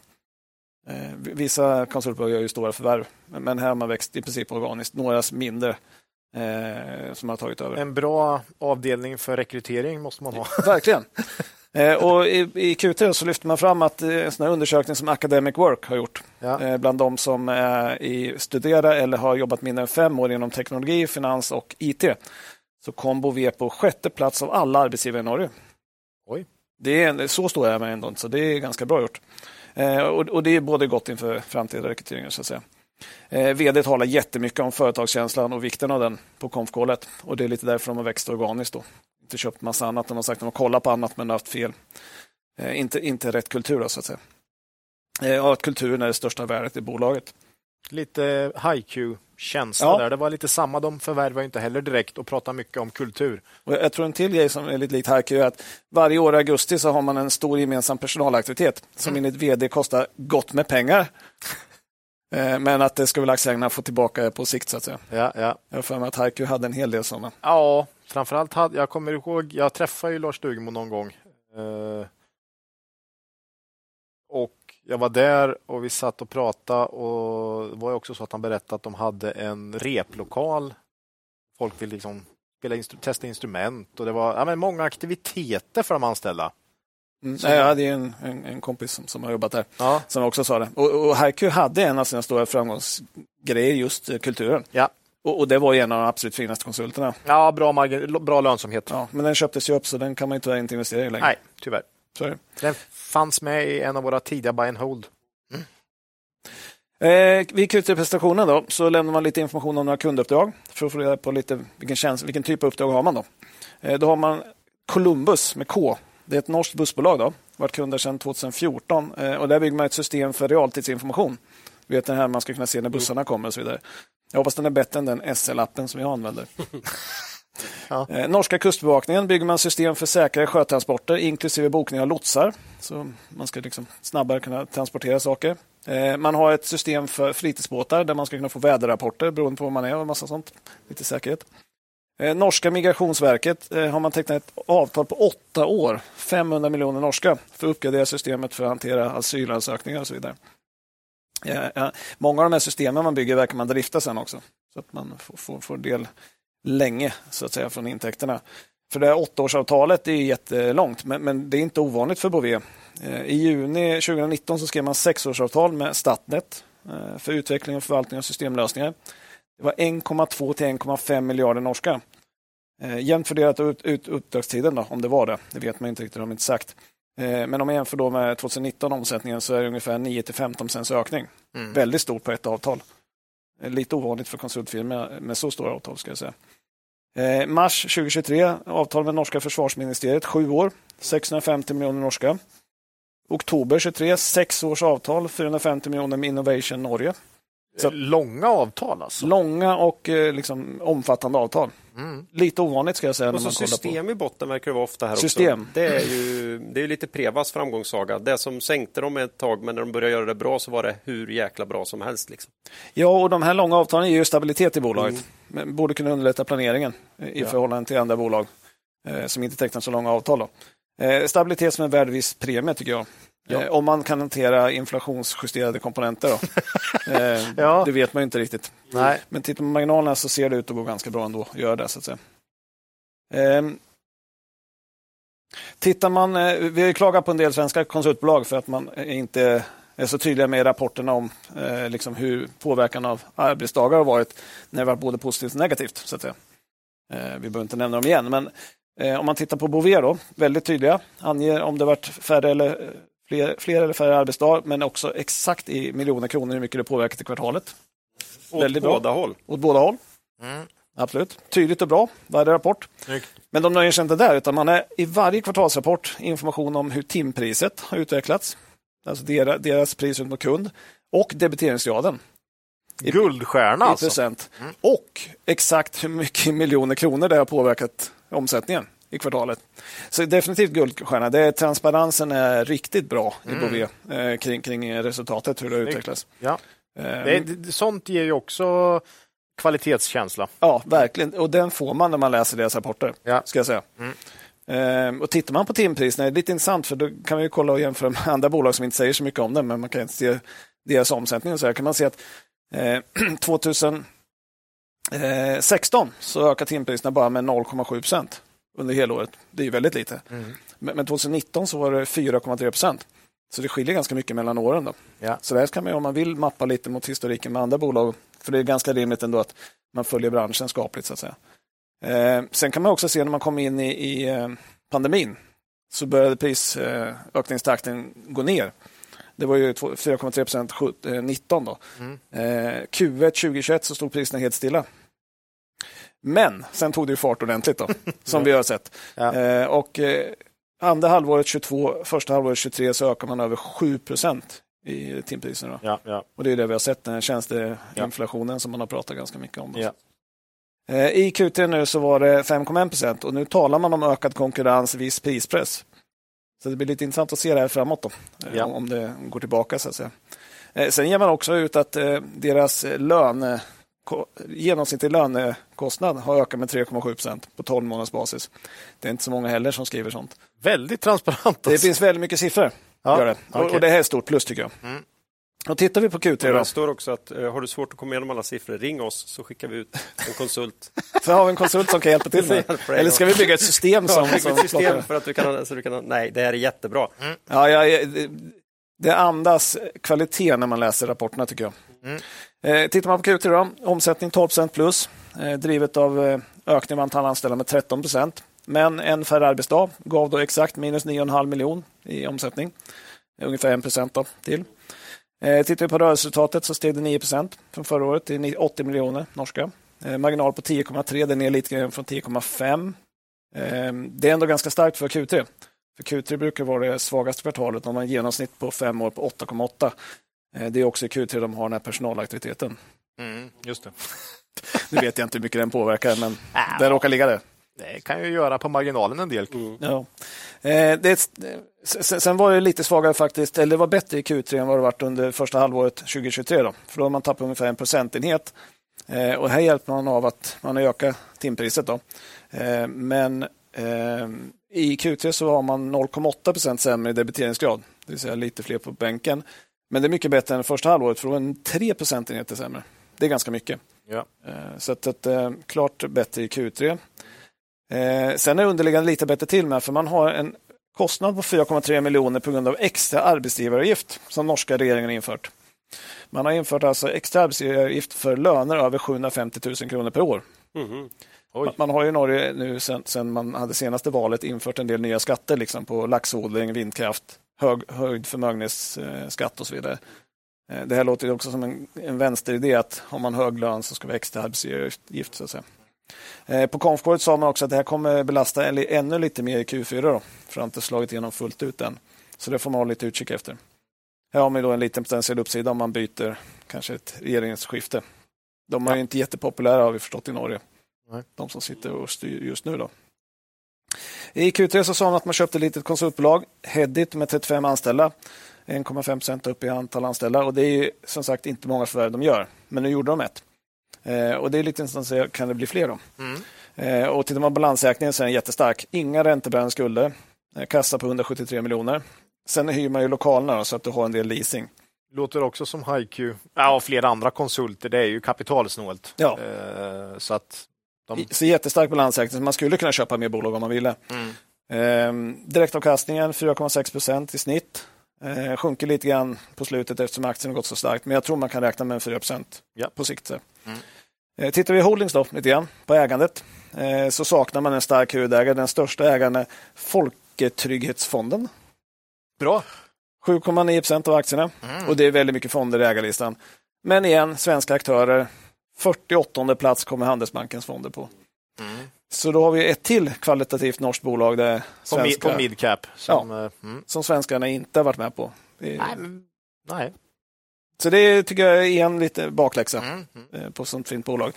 Eh, Styrelseledamoten Sverre Hurum, sjunde största ägare med 3,5 procent av aktierna. Styrelseledamoten Egil Christian Dahl, tionde största ägare med 1,8 procent. Så har vi bolagets VD Per Gunnar Tronsli, han har aktier för 4,3 miljoner och CFO Trude Hole har aktier för 1,6 miljoner. Ganska okej insiderägare. Ja, ja, jag. visst. Det, jag har en fråga här. Ja.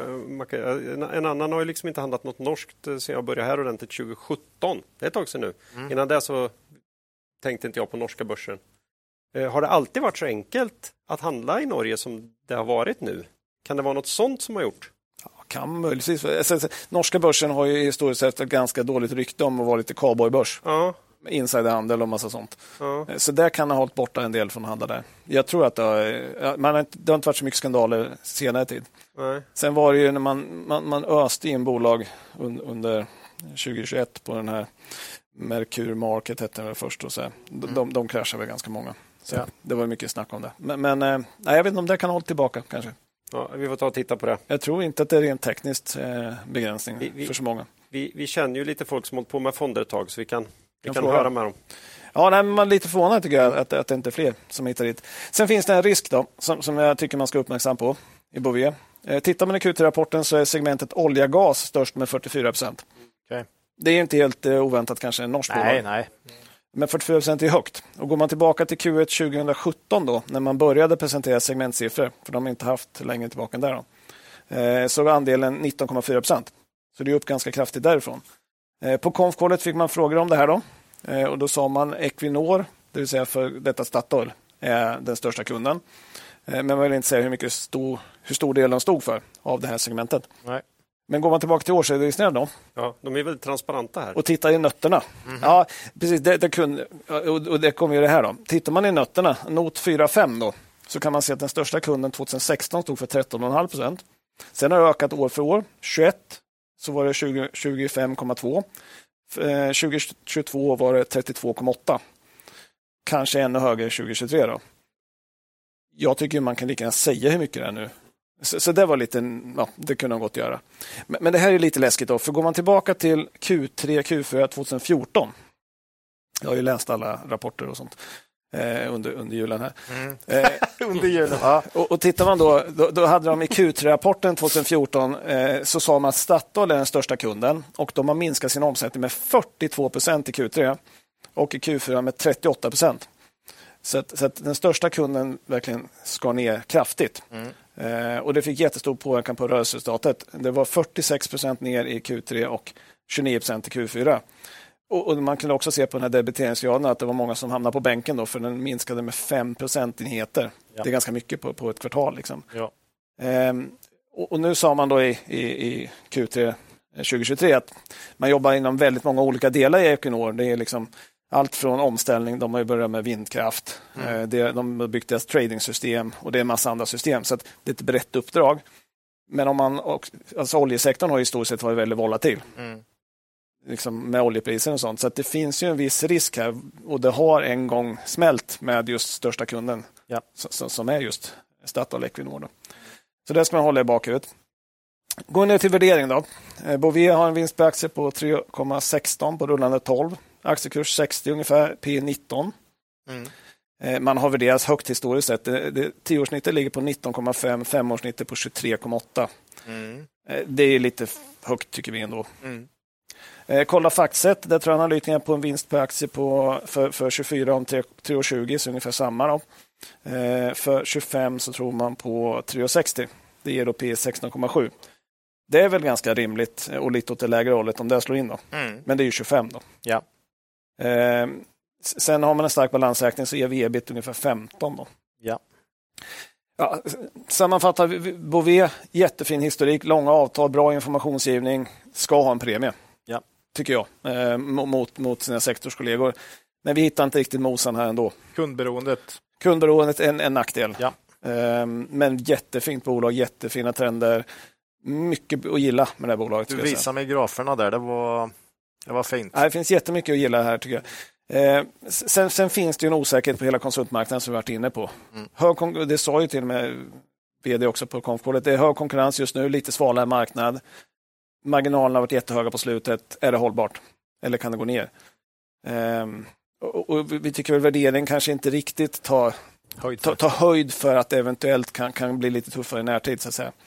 Men långa avtal, bra. Långa avtal, mm. så att man borde inte slå Nej. så hårt, men, men, eh, det känns ändå ja. inte hundraprocentigt just nu. Nej. Är man väldigt långsiktig och vill ha ett kvalitetsbolag inom den här sektorn, så, så då har man ett här. Mm. Eh, men vi, vi kommer avvakta, eh, mm. se om vi kan plocka upp dem i någon sorts svacka kanske. Men, men kvalitetsbolag som ska ha varit med i den här podden. Snyggt, mm. kul! Ja, det får vi tacka lyssnarna för också. Ja, bra, bra tipsat mm. från lyssnarna. Tack så jättemycket. Bra Macke, snyggt. Det var Bové. Mm. Det var Bové. Eh, Nordnet då? Mm. Eh, nytt år betyder nya möjligheter. Och eh, de möjligheterna tror vi eh, står att finna hos vår favoritsparplattform Nordnet. Eh, Nordnet är en plattform vi verkligen gillar att använda och där hittar du ett av marknadens bredaste utbud av aktier, fonder och andra finansiella instrument. Fokus för Nordnet är just plattformen och den användarupplevelse man kan få där i webben och appen är ju hur bra som helst. Mm. Och det här stabil teknik är det något vi gillar när vi ska handla aktier? Ja! ja. Eh, under 2023 då, uppnådde man ju sitt högt ställda mål om minst 99,9 procent tillgänglighet. Mm. A och O brukar man ju säga ibland. Ja. Mm. För oss som handlar aktier. Att det går att handla dem när vi vill. Eh, och så här i början på året då, så kan det vara klokt att gå igenom sina investeringar lite mer noggrant. Att säkerställa att man har en bra balans och eh, se vilka förbättringsmöjligheter som finns. Lätt att köra på gamla hjulspår. Mm. Eh, och eh, ja, vi vill verkligen uppmuntra lyssnarna att testa något nytt. Om man inte redan har testat Nordnets plattform, så gör det. Kolla om det lirar med dina behov. Eh, ny kund. Ja, då har man ju det här erbjudandet från Nordnet då, att man handlar helt gratis på Stockholmsbörsen via min favoritkortageklass som heter Kom igång. Mm. Och eh, Man får tillbaka alla fondavgifter till dess man nått 50 000 kronor i samlat sparande. Eh, här finns en begränsning, man får göra max 500 affärer per år annars inga begränsningar. Eh, så gör slag i saken och gå in på nordnet.se och öppna ett konto. Nej, och, och, vi, innan, I podden innan jul eh, så hade vi en intervju med Frida Bratt på Nordnet eh, angående återställande av ESK-skatten. Mm. Eh, och, och, jag såg nu ganska nyligen här så remit, remitterade ju regeringen ut ett förslag om att de första 300 000 kronorna på ISK skulle vara skattefria. Och, och det är ett förslag som skulle beröra 3,5 miljoner sparare tre av fyra skulle helt undantas från beskattning. Eh, och, och det, det, här är ju liksom, eh, eh regeringen sa att det här ska införas 2025 eh, och frågan är varför det görs, inte görs tidigare. Då. Och då sa man ju då att nej, men vi kan inte, inflationen är för hög. Men Frida sa i den här intervjun, att, eh, vilket är helt rätt, att ett sparande är inte någonting som blåser på inflationen utan då tar man bort pengar från konsumtion och mm. sparar så det är snarare liksom Eh, så, så det borde införas snarast. Eh, och, och, det här liksom, just att komma igång med sparandet är ju fruktansvärt viktigt för den som aldrig har sparat förut. Mm. Eh, och, och det här kopplar ju då till, till Nordens åtgärd, det här med att man, man, de första pengarna är helt fria från avgifter. 50 000. Fantastiskt. Och då kan de vara helt fria från avgifter och de kan vara helt fria från skatt. Mm. Mer incitament än så kan man inte få som ny sparare. Så att säga. Så det är en jättebra lösning, den här kombinationen. Ja. Och att få folk att börja spara är ju fruktansvärt viktigt och vi hoppas att liksom de här två åtgärderna kan, kan få folk att börja spara. Men vi tycker att den här reformen borde införas ja, mycket snabbare än 2025. Ja. Men Ja, gärna då, om inte, om inte ja, förr. Mm. Gärna då, men, men den kombinationen kan bli väldigt kraftfull tillsammans. Ja. Så att säga. Mm. Ja, eh, men då vill vi också bara påminna om att börsen ger och tar. Eh, även om sparande i aktier och fonder gett historiskt god avkastning över tid finns inga garantier för framtida avkastning. Det finns risk att du får tillbaka, eh, inte får tillbaka de pengar du investerat. Ja. Eh, med det vill vi säga tack till Nordnet och önska dig som lyssnare lycka till med dina investeringar. Jaha. Nu tänkte, tänkte nog lyssnarna att ah, bra, nu slipper vi Klas ett tag här. Nej. Ha! Det tror jag inte de det tänkte. Tror va? Inte. För vi pratar ju pengar va? Från en bank ska vi över till de ja. som forslar pengar mellan banker. Mellan banker ja. och, eller? Bra. Mm. Loomis. Mm. Kontant och värdehanteringsföretaget här eh, som ju har svårt att få kärlek på en hemmamarknad där de flesta i finanssvängen inte sett riktiga pengar på flera år. Nej, det är ju inte jättemycket pengar man går omkring med så, i kontanter. Men värdesaker också. De, de, de kanske kör folks eh, guld, guld tackor. tackor och ja, grejer. Ja, guld är ju poppis. Mm. Eh, ja, eh, och inte heller bolagets försök att bredda sig i den digitala världen eh, går ju så bra som man kunde önska. Eh, bolaget var med senast i avsnitt 110. Så det, det avsnittet har strax två år på nacken. Mm. Då handlades aktien runt 270 spänn. Är väl inte långt ifrån där de handlas idag. Lite över vad de handlas jag idag. Jag kan säga exakt, Claes, om ja, du undrar. Du, ja. 257 kronor just nu. Oj, mm. här, här, här går det neråt. Mm, mm. Eh, då, då kanske jag skulle räknat om här. Lite. Ja, man, får, man, man, får göra det själv. Ja, det får man göra själv. Mm. Eh, vi hittade inte tillräckligt mos då i alla fall. Eh, eh och eh, vi var också rädda för att investerare som gått in i bolaget eh, med drömmen om att Loomis Pay skulle bli ett nytt betydande intäktsben skulle snart få anledning att bli ännu mer deppade än vad de kanske redan var då. Eh, så vi river av det här sorgebarnet eh, Loomis Pay direkt. Då. Eh, chefen för det segmentet byttes ut i januari förra året. Och sedan dess visar det en stark tillväxt i både omsättning från väldigt låga nivåer och i ökade förluster. Där kostnaderna för Loomis Pay nu drar ner rörelseresultatet för hela bolaget med 10 procent. Under... Men, det är inte bra, man ska väl öka vinsten men ja. inte förlusten? Va? Men Nej. det här är ju en satsning. Ja. Eh, under de rullande 12 månaderna som tog slut med Q3-rapporten. Vi väntar på ny rapport här. Eh, Ola försökte ju för två år sedan införa ett krav eh, på att ett eh, särredovisat eh, segment eller affärsområde ett bolag på large cap, mm. det är faktiskt Loomis finns, åtminstone borde ha större omsättning än ICA Nära i Virserum. det, det, är ju ett rimligt krav kan jag tycka. Jag kommer inte ens ihåg hur jag kom upp med den här idén. Ja, det vet jag inte, jag tycker det är fantastiskt. Jag återkommer till det här att det här är ju ett nytt, eh, ett nytt finansiellt mått som man bör ha koll på. Ja, ja. ja. Är du större eller mindre än ICA Nära i Virserum så, mm. så vet man. Mm. Ja, men det är ett rimligt krav om man ska ha det som ett eget segment. Ja, i alla fall som large cap. Large cap. Mm. Då, det var två år sedan då. Det skulle då kräva en fördubbling av Loomis Pay. Mm. Och här är man på väg då, men tyvärr har det visat sig att eh, det är ett svårt, svårt finansiellt mått att hittat här, Ola. Mm. Eh, för, för det kan vara så att bakom den här ICA-butiken eventuellt döljer sig två ICA Nära. Nej! Nämligen också eh, den i grannsocknen Mörlunda. Aj. Och här står uppgifter från ICA-granskaren Jens Nylander då. Mm. I kontrast med uppgifterna i nättidningen Dagens Hultsfred. Aj! Okay. Nylander säger att de hänger ihop. Dagens Hultsfred eh, sär, eh, listar dem som två olika. Då. Mm. Och här skulle jag behöva få hjälp av, av lyssnarna nu och reda ut de här ägarförhållandena i det här finansiellt viktiga jämförelsetalet. Om, om någon bor i, i, norr, i, på gränsen mellan Östergötland och Småland. Ja, en bit ner i Småland. En bit ner i Småland, ja. Eh, vi antar väl att Dagens Hultsfred har rätt här. Mm. Och eh, då borde Ica Nära i Virserum passera 50 miljoner i omsättning för 2023. Det är bra. Eh, och då får Loomis Pay sig slaget igen skulle jag tro, för de kommer komma in strax under det nämligen. Aj, aj, aj. Det är jag ganska säker på. Jag, jag också kan säga att ICA Nära i Virserum eh, har en bättre ebit-marginal än Ja, ja. Pay. Det tror jag också. Eh, men, men det har skett en tydlig uppryckning här i alla fall på slutet i Loomis Pay och eh, förhoppningsvis kan väl den här verkliga tillväxten komma igång här eh, några år efter plan. Då. Jag tror att man hade 3 miljarder som förhoppning eh, till 2025 när det här lanserades för ett antal år Ja, sedan. man hade ju väldigt tidigt offensivt mål. Här, Ja. Mm. Och varför återkommer vi hela tiden till Loomis det för att vi tycker det är eh, kul att vara taskiga mot eh, Loomis? Ja, lite. Men inte främst, utan det är ju att Loomis själva trycker så hårt på det här. Man fortsätter att särredovisa det som ett av tre segment. Eh, och det utgör alltså idag en och en halv promille av bolagets omsättning. Det är inte Sug mycket. på den. Vi har tre segment vi tycker är viktigt att visa för dig som kommer in och läser vår rapport. Hur många är det som orkar göra det? Ett av de tre utgör en och en halv promille av bolaget.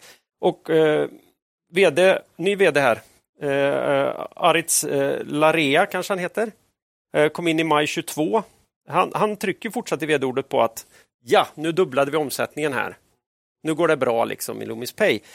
Det, det visar ju på en viss desperation från bolaget att de så hemskt gärna vill komplettera den här eh, hanteringen av fysiska betalningsmedel med hanteringen av digitala pengar. Man ser ju själva att köra runt på sedlar och mynt kanske inte är framtiden. Man, man vet väl också att marknadens syn är att den delen är Mm. döende på sikt och därför måste man prestera någonting annat. Så att säga. Eh, Så i dagsläget är det nog bäst för de som eh, hoppas på Loomis som är relevant spelare i den här digitala betalningsvärlden att ja, man kanske Man, man, man, får, man får se det som väldigt långsiktigt skulle jag säga. eller hoppas på ett mirakel. Eller hoppas, ja. Det kan Eller det finns ju något som heter förvärv. ja. Mm.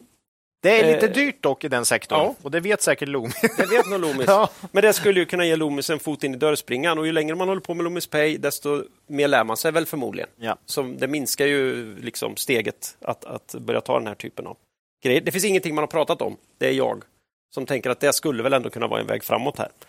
Eh, man har ju skaplig balansräkningar, vi återkommer till det. Eh, så om vi istället då, precis som när du pratade om de senaste Ola, faktiskt prata lite om det de verkligen håller på med, Mm. nämligen i huvudsak köra runt på kontanter. Eh, det är det vi är mest intresserade av. Eh, kontanthanteringen i världen verkar hålla i sig bra. I alla fall så lyckas Loomis eh, bevaka minst sin andel av den. Omsättningen för Loomis växte med 10% i Q3. 6,3 organiskt. Nu var det länge sedan Q3 kom. Vi väntar ju spänt på Q4-rapporten här som ska komma in den sista januari. Vi pratade ju tidigt i det här avsnittet om att vi sitter på en del likvider. Vi är osäkra på vart konjunkturen är på väg, så vi slår runt en hel del bolag här.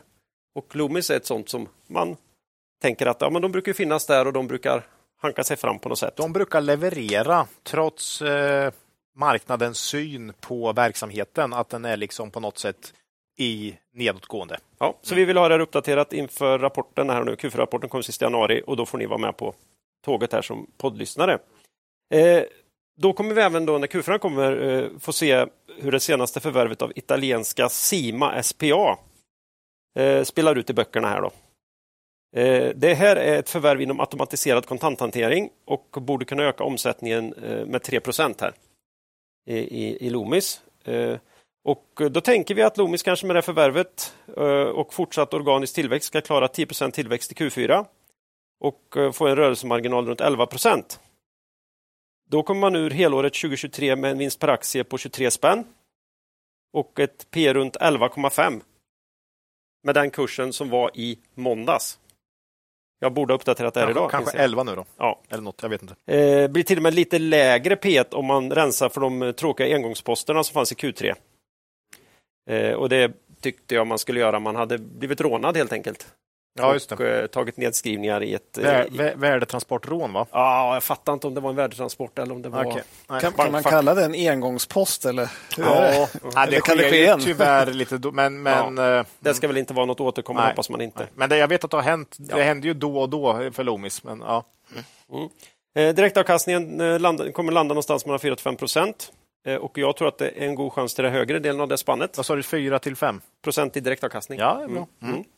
Eh, och eh, nästa år ska vi hoppas på 7% tillväxt, oförändrad rörelsemarginal. Det är ett framåtblickande P runt 10 här. Mm. Lite lägre nu då kanske. Eh, vi tycker sedan gammalt att bolaget i vart fall förtjänar ett P runt 14. Stabil verksamhet, god direktavkastning, goda möjligheter att konsolidera och ta en större del av en krympande... Nu krymper ju inte kontantmängden i världen. Nej. Hur det går med kontanthanteringen är svårare att veta. Det kan ju finnas mer pengar, men de rör sig mindre. Ja. Det är ju så det, är så det kan vara. Men kontantmängden i världen minskar i alla fall inte. Eh, och eh, balansräkningen är helt okej okay här. Nettoskuld genom ebitda senast här på 1,5. Så det är inte så... Nej, det är bra. Ägande då? Eh, om man vill ha kött och blod i ägarlistan får man leta någon annanstans. På Holdings kan vi läsa att största ägare i Loomis är, och nu är det en trumvirvel här, Loomis Jaha. själva. Ja, det, det, det, kän, det känns lite Swedish Match över det här på något sätt. Du, du menar, har man ingen huvudägare får man fixa det Ja, själv? själv, ja, 5,6 procent. Ja, precis. Self-made, så att säga. Eh, 5,6 procent av aktierna följt av amerikanska Polaris Capital Management som har 5,1 procent. Eh, Polaris Capital Management äger för övrigt också 10 procent av svenska Duni. Mm. Gillar defensiva bolag. De gillar defensiva bolag, ja. Det är helt uppenbart. Ja, eh, så är det. Eh, Tittar vi då på ägandet i bolagsledningen istället, för då får vi vända oss eh, dit. Så har VD Aritz Larea i vart fall aktier för cirka 8 miljoner. Motsvarar ungefär en årslön för honom. Är inte det okej? Ja, jo. Inte helt illa. Och en tidigare VD, inte den senaste för honom, utan ännu tidigare VD som heter Lars Blecko, ut, tror jag kan uttala. sitter i styrelsen och har aktier för 14 miljoner. Annars är det klent eh, med ägande i styrelsen. De har lite aktier, alltså, men Ja. ingenting att Ingenting att hänga i julgran. Nej. Nej. Eh, Loomis är ett av innehaven i Cavalier Quality Focus och ett av de större innehaven i min pensionsförsäkring faktiskt. Snyggt. Som ligger på Nordnet. Eh, det har varit det länge. Men i firman vacklar vi. Vi är ju som vanligt rädda för utveckling på lite kortare sikt eh, och idag har vi bara en bevakningspost i bolaget. Eh, Loomis har ju halva verksamheten i USA och har haft en fin valutamedvind de senaste åren. Eh, ja, alltså framförallt det senaste året egentligen. Men nu lär det ha stannat upp i Q4. Och eh, under 2024 kan det ju komma att gå åt andra hållet här. Ja, dollarn har hoppat upp igen Ja, jag vet. lite nu. Så det, Ja, det, men vi, nu, nu står det väl åtminstone och vacklar Ja, här. Skulle kronan kunna stärkas här så är det inte nödvändigtvis toppen positivt. Mm, nej. Det är svårt med valuta. Om det är någon där ute som vet hur de kommer gå så skicka ett mejl till oss. Skicka ett mejl med, med en graf 2024-2025. Jag kan, åtminstone, jag kan åtminstone konstatera att det har varit positivt. Ja. Historiskt Ja, det kan, det Kan kan du göra det? Det Kan du, göra det, det? kan du få göra, Claes. Tack, tack, tack. Ja, Höga räntor och hög inflation är båda dåligt för Loomis.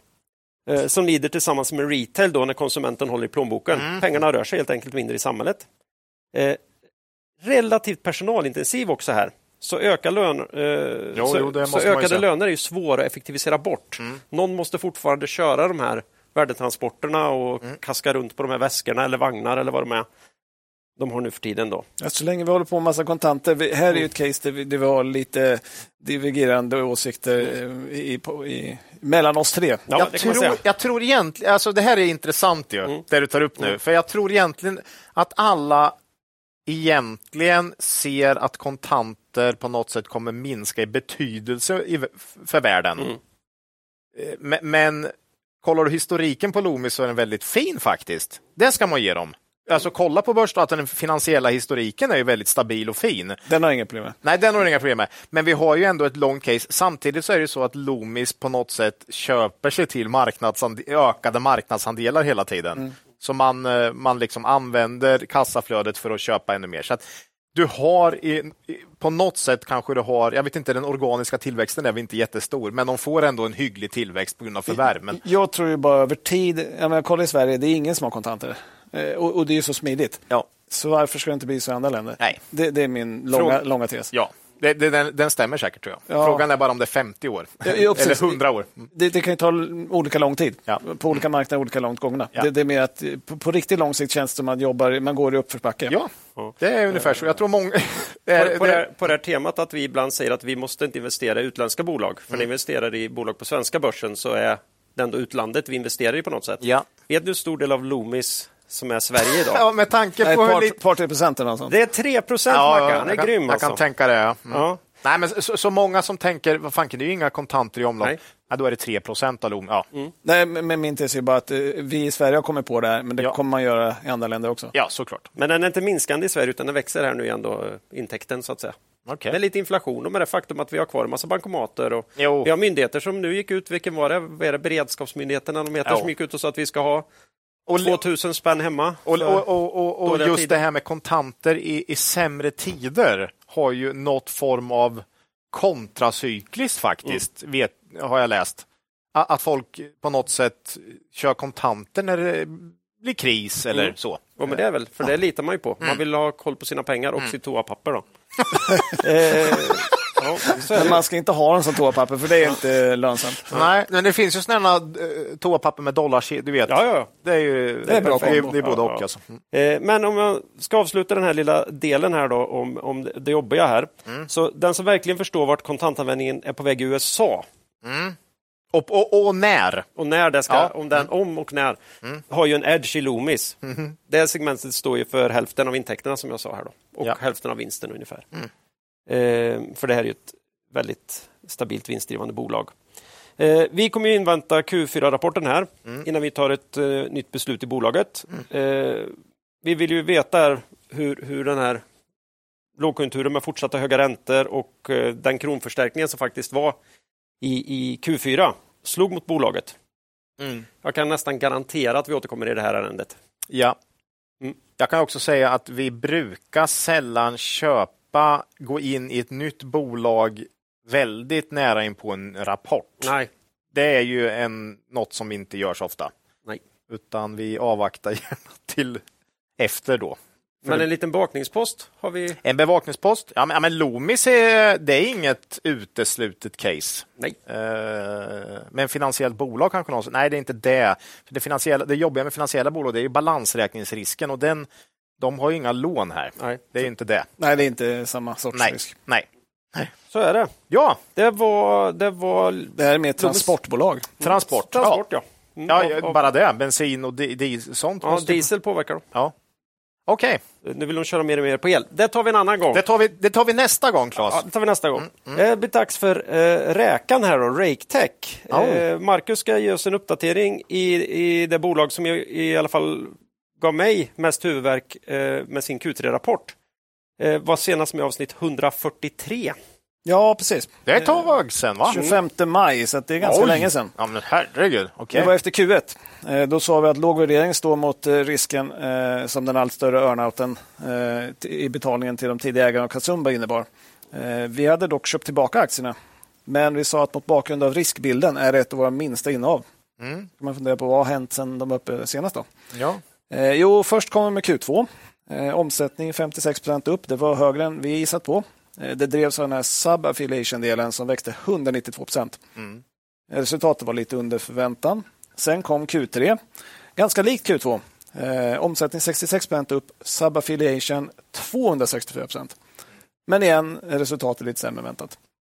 Eh, Den här vanliga affiliate-verksamheten som är deras standardbusiness, så att säga, Historiska. historiska, den växte 10 procent. Eh, bettingtipsen minus 28 procent. Så ganska stor skillnad mellan affärsområdena. Bettingtipsen är det här de köpt förvärv i USA. va? USA-delen. Ja. Ja. Eh, sen har de en trading update då, eh, som många iGame-bolag håller på med. Och 54 procent upp i oktober, fortsatt drivet av sub-affiliation. Mm. Resultatet är som sagt sämre än vad vi har gissat på och resultat, rörelseresultatet var faktiskt ner 25 procent från förra året.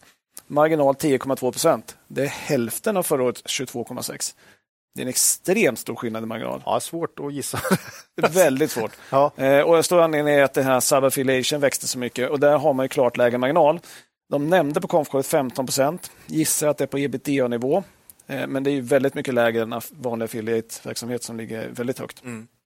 Ehm, så det har blivit ett stort skifte här i RecTech mot sub-affiliation. Det stod alltså för 52 procent av intäkterna i Q3, mer än hälften. Det, så har det inte sett ut historiskt. Nej.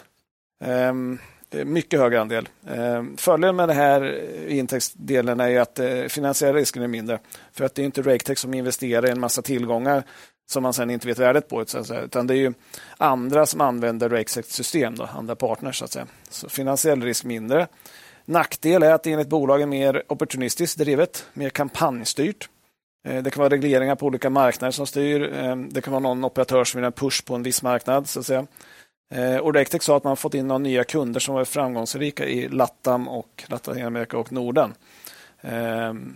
Men- Och då är frågan hur, hur hållbart är det där då? Och vd sa själv att intäkterna inte är så sustainable på samma sätt som i deras andra delar. så att säga. Och det gör det svårt att estimera tillväxten. Ja, det gör det. Som du är inne på. Eh, nu har man i år då eh, inom subaffiliation plus 46 procent, plus 192 procent, plus 264 procent. Vart tar det vägen framåt? Ska man dra ut den trenden eller vad ska man göra? Ja, vad ska man göra? Eh, och erfarenhetsmässigt så tycker vi det är farligt att räkna med att explosiv tillväxt fortsätter. Liksom. Mm. Det brukar inte göra, alltid. Så, så det, det... Nej, det går inte. Med, med talens... Ja, ja, det har du rätt i. Ja, det blir stora tal till slut. Stora tal. Mm. Nej, men vi, vi, är alltid lite försiktiga med, mm. med att dra ut trender. Mm. Eh, och sen USA-verksamheten, som vi sa, minus 28 procent. Här sa man att det var säsongsmässigt svag period. Ja visst, men det var det ju jämförelsekvartalet också. Det, det var ju liksom inte så att man växte det var mot förra kvartalet, utan det, det var mot förra årets samma kvartal. så att säga. Mm. Eh, och sen när man gjorde de här förvärven nu så, så sa man ju nu ska vi ta och bearbeta den här kunddatabasen med vår vanliga affiliate-verksamhet och så ska vi få fart på tillväxten därifrån. Så har det inte alls blivit. Eh, så att hittills tycker jag de här förvärven måste vara en stor besvikelse. Jo, men det, det är det ju. Eh, så att de har inte gått som det är tänkt. Sen har man ju inom Subaffiliation något som heter Affiliation Cloud, AC kan vi kalla det. Det här är en intressant del i RakeTech. Lite synd, man får inga separata uppgifter. Man sa att man dubblar antal kunder ja, det är ganska stor skillnad från 5 till 10 eller från 100 till 200. Ja. Så. Eh, så vi får hoppas att man snart ger mer fasta siffror kring den här delen. Så att säga. Eh, för det hade varit bra om man ska bedöma den. Då. Här borde finnas en efterfrågan. Eh, för det är den här tjänsten då en mindre operatör kan gå via alla RakeSex-system. Då. För det är ju svårt för någon mindre affiliate att skriva avtal med operatörerna, klara compliance-krav och så vidare. Och då kan operatörerna använda Affiliation Cloud och komma åt alla de här under istället. Då. Mm. Eh, sen lite intressant, det var någon som skrev om Winners Curse eh, angående Affiliation Cloud. Eh, Winners Curse går ut på, eh, den här tjänsten är ju att, att massa mindre bolag använder det här för att de inte kan själva gå till operatörerna. Mm, mm. Om det är någon av de här som blir väldigt framgångsrik och växer väldigt mycket, ja, men då kanske den blir winner och blir så stark att den kan helt plötsligt bära de här ta de här kontakterna själva och inte behöva ge bort sin del till Affiliation Cloud. Eh, då finns det en risk att Affiliation Cloud består av de mindre kunderna men att de största lämnar. Typ som Kambi. Ja. Eh, och, det är en liten risk att hålla koll på framåt. När de börjar ge lite mer information. Alltså hur följer antal kunder omsättningen med varandra? Eller liksom, hur, hur kommer det att funka? Så att säga. Men, men sen allt vi har pratat om är egentligen den övergripande delen i, i RakeTech är ju Kazumba. Mm. Eh, det är mest avgörande. Här sa man i Q2-rapporten att vi räknar inte med några större förändringar i earnout. Eh, så slår vi upp Q3-rapporten och ser vi att earnout gått upp 13 procent. Från 40,7 miljoner mm. till 45,9. Det är alltså 55 eh, miljoner kronor. Det är ganska mycket ändå. Men man kommenterar inte det. Det var ganska konstigt för att den var ju inte oförändrad direkt. Vi får se vad den landar på i Q4-rapporten. Var det för 40 miljoner euro. 40, till... 41 miljoner euro till 46 miljoner euro. Så 5 miljoner euro alltså? Ja, 5 miljoner euro ja. ökning. Mm. När man sa att den inte skulle öka. Mm. Eh, vi får se vad det blir på Q4 då. Mm. Eh, för nu har man sagt igen att nej, det ska inte öka så mycket mer.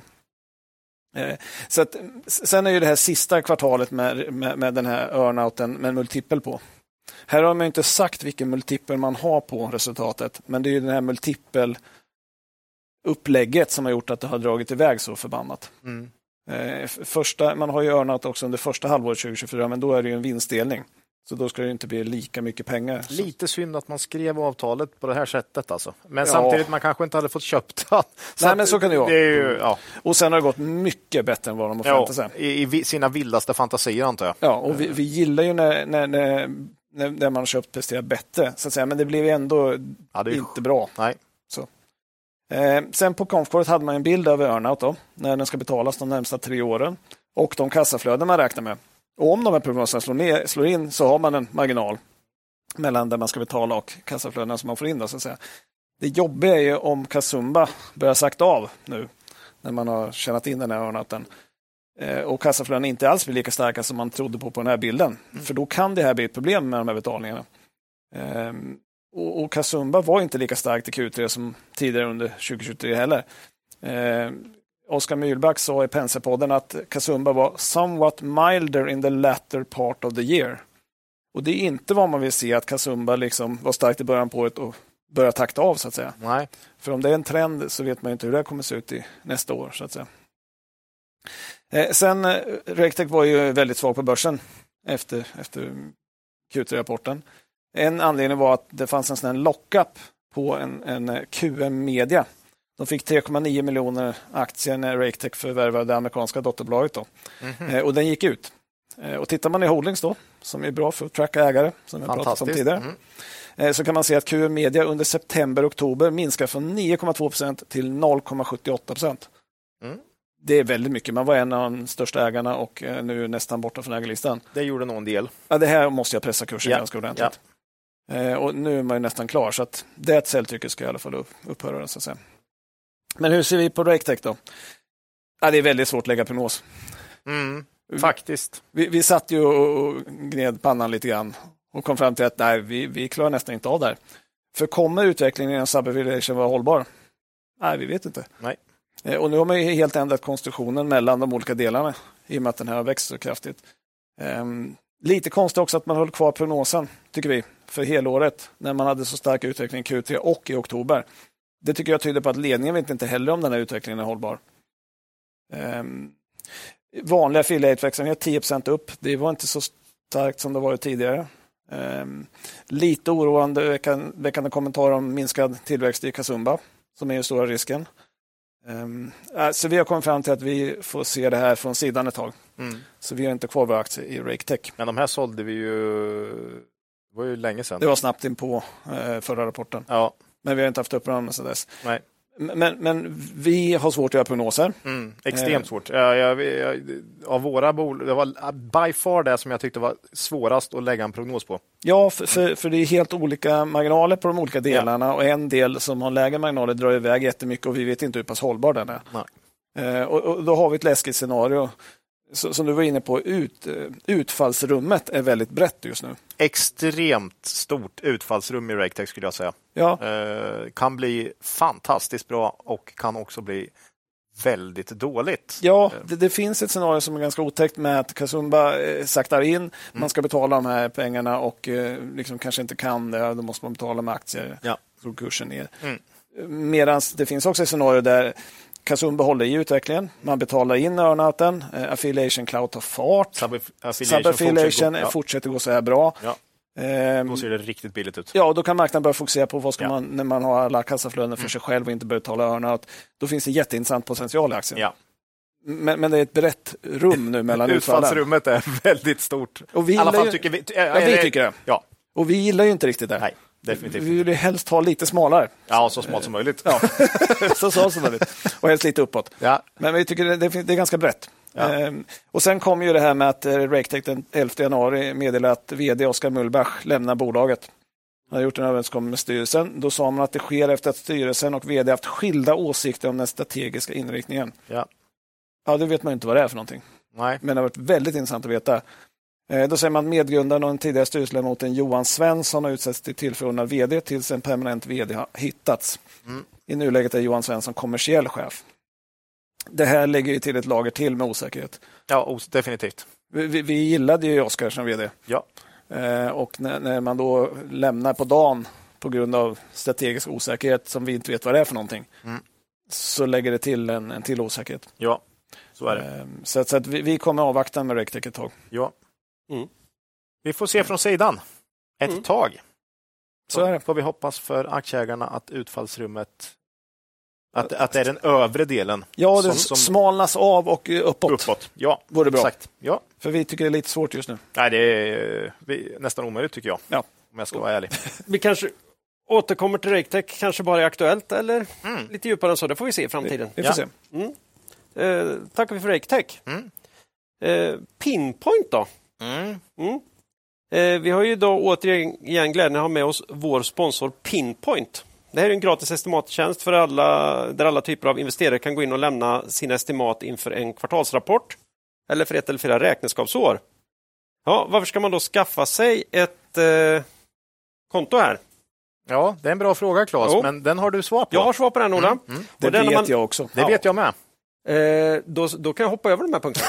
Nej. Nej. När man lämnar sin estimat, då får man ju se Pinpoints konsensus ja. av alla andra investerare som också lämnat sina estimat på de bolag man är intresserad av.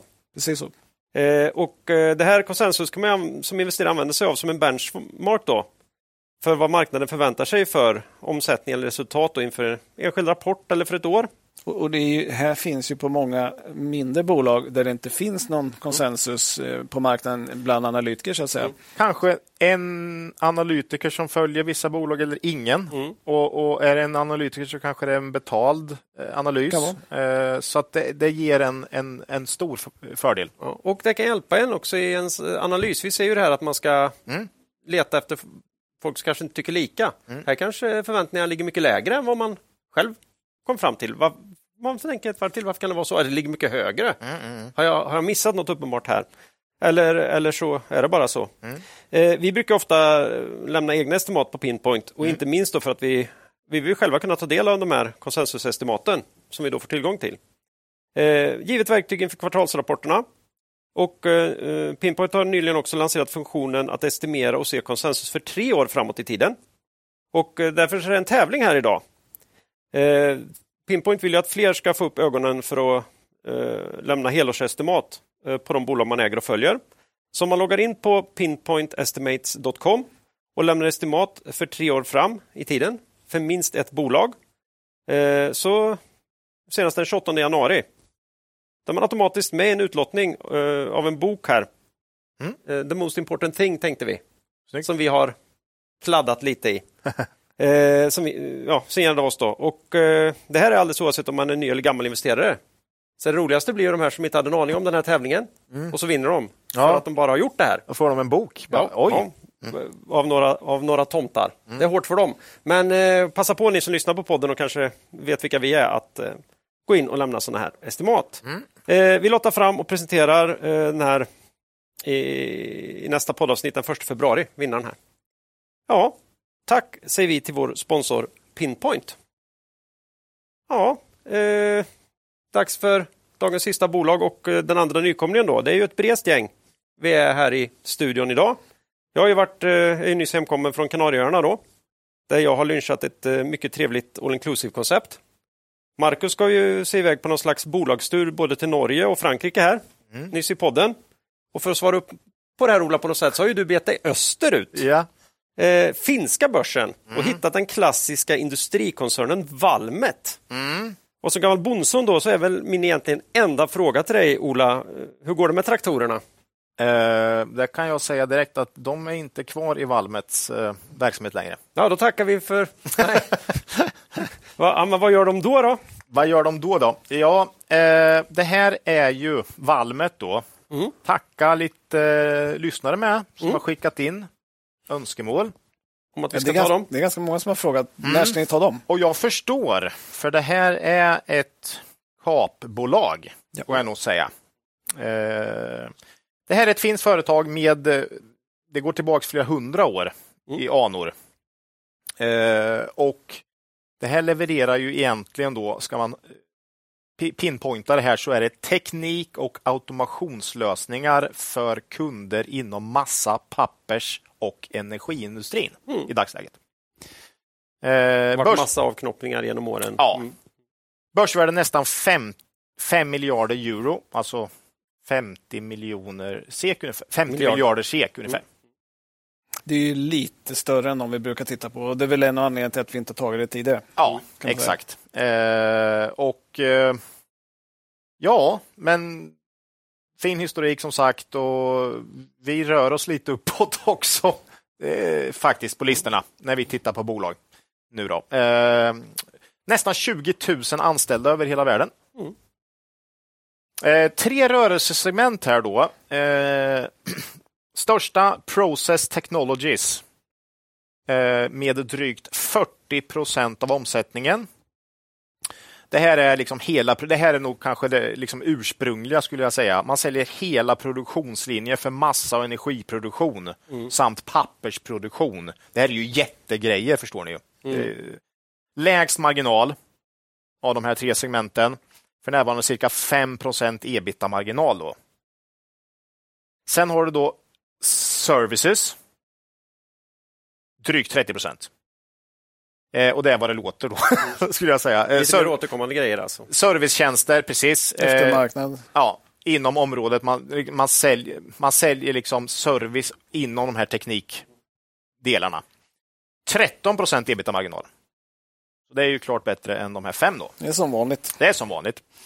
Sen har vi då automation med cirka 25 procent av omsättningen. Och eh, här ligger ju dels då det under 22, 2022 förvärvade Neles eh, kallat Flow Control det, och dels ligger då Automation Systems. Två delar i det här. Flow Control är högteknologiska ventiler, pumpar med mera.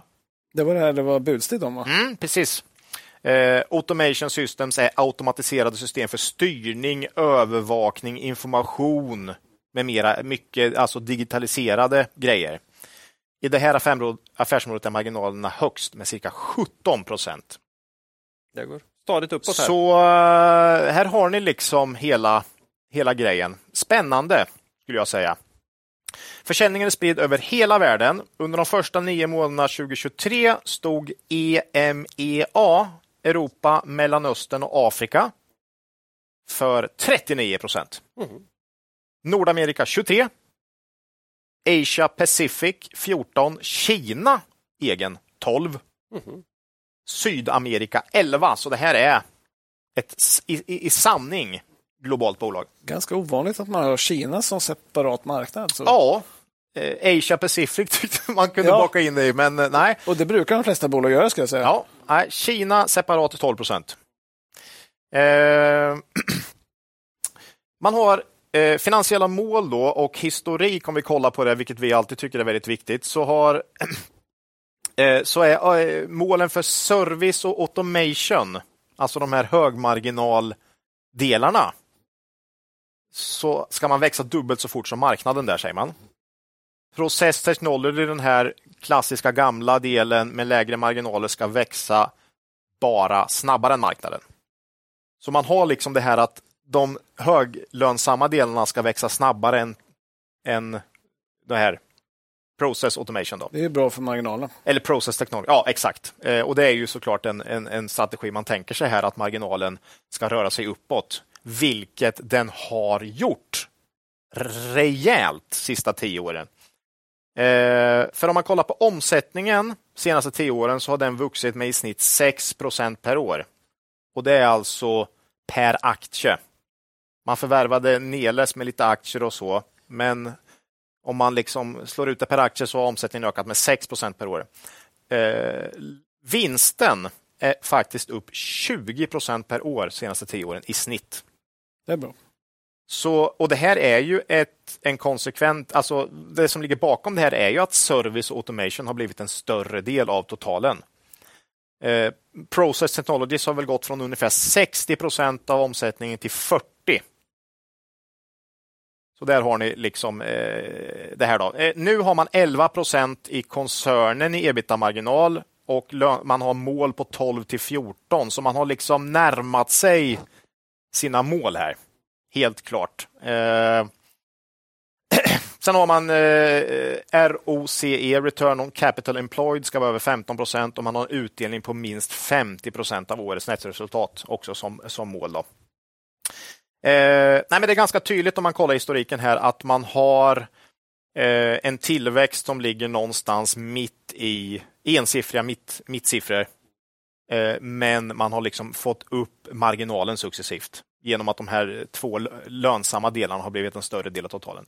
Balansräkningen, nettoskuld ebitda 0,7. Det är inte mycket. Nej. Eh, håller man utdelningen oförändrad i vår så landar direktavkastningen på fina 5 procent. Eh, holdings brukar vi ju alltid numera gå in och titta på. Där ser man att eh, Solidium OY är största ägare på 10 procent och det är ju faktiskt statligt ägt. Mm. Finska staten som äger det. Mm. Jag, var ju, jag var inne på Wikipedia där och såg att man konsoliderade ihop en massa grejer där i mitten på 40-talet för att, ja. för att rusta efter kriget där. Mm. Om, om, om, om ryssen skulle komma tillbaka så att säga. Just det. Eh, sen är det väldigt spritt. Eh, en eh, privat Eh, investeringsbolag som äger 9% investmentbolag. Sen är det ingen över 5% Mycket institutionella ägare. Eh, så ganska spritt ägande där då. Eh, jag får, Valmets historiska värdering då. om vi, om vi tar det. Eh, från 2015 kollar jag nu och framåt så har man snittat på cirka P18. Mm. Eh, ja, bra vinsttillväxt, eh, fint bolag, välskött, bra potential framåt.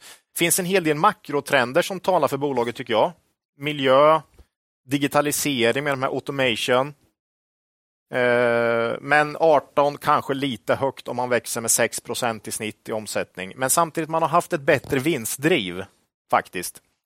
Eh, frågan är nu om jag, jag, jag, tror nog inte man kan driva den här vinsttillväxten lika hårt kommande tio år faktiskt. Eh, utan jag tror nog snarare att vinsten kanske närmar sig vin, eh, omsättningstillväxten framåt. Eller kanske runt 10 procent per år.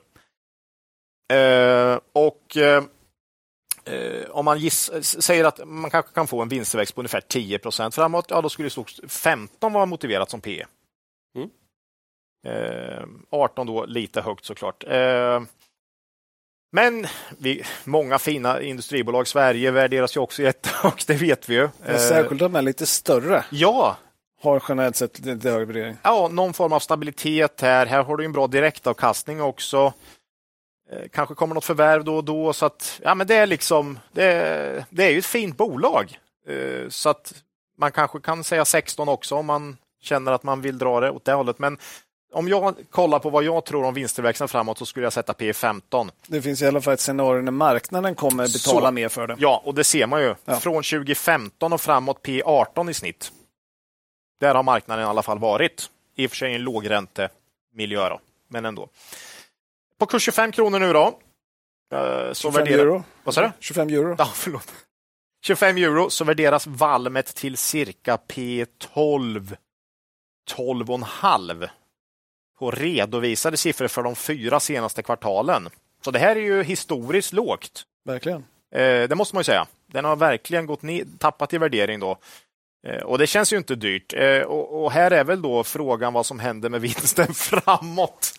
och, och, och eh, har marknaden på något sätt sniffat upp något här? Mm. Eh, och, och, det kan det ju mycket väl ha. Eh, och det, det, är ju inte liksom jättekonstigt om vinsten skulle bli lägre 2024 eller åtminstone inte öka särskilt mycket.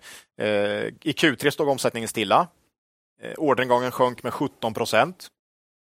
Ehm, ja, guidance för 2023, det är bara ett kvartal kvar, säger egentligen ingenting skulle jag säga, för man, har, man säger att omsättning och ebita ska öka för året, men den har ju gått upp jättekraftigt i sista tre kvartalen här så att det skulle ju till ett totalhaveri i Q4 för att inte uppnå den här. Mm. Så den säger ingenting om Q4 skulle jag säga. Ehm, 2024, jag tycker det är jättesvårt, men bolaget har faktiskt klarat upp och nedgångar väldigt bra historiskt. Eh, men svårt att se att vinsten ska rusa 2024, om jag säger så. Eh, men säg att den står still, ja då har du P 12,5 kanske, eller något sånt.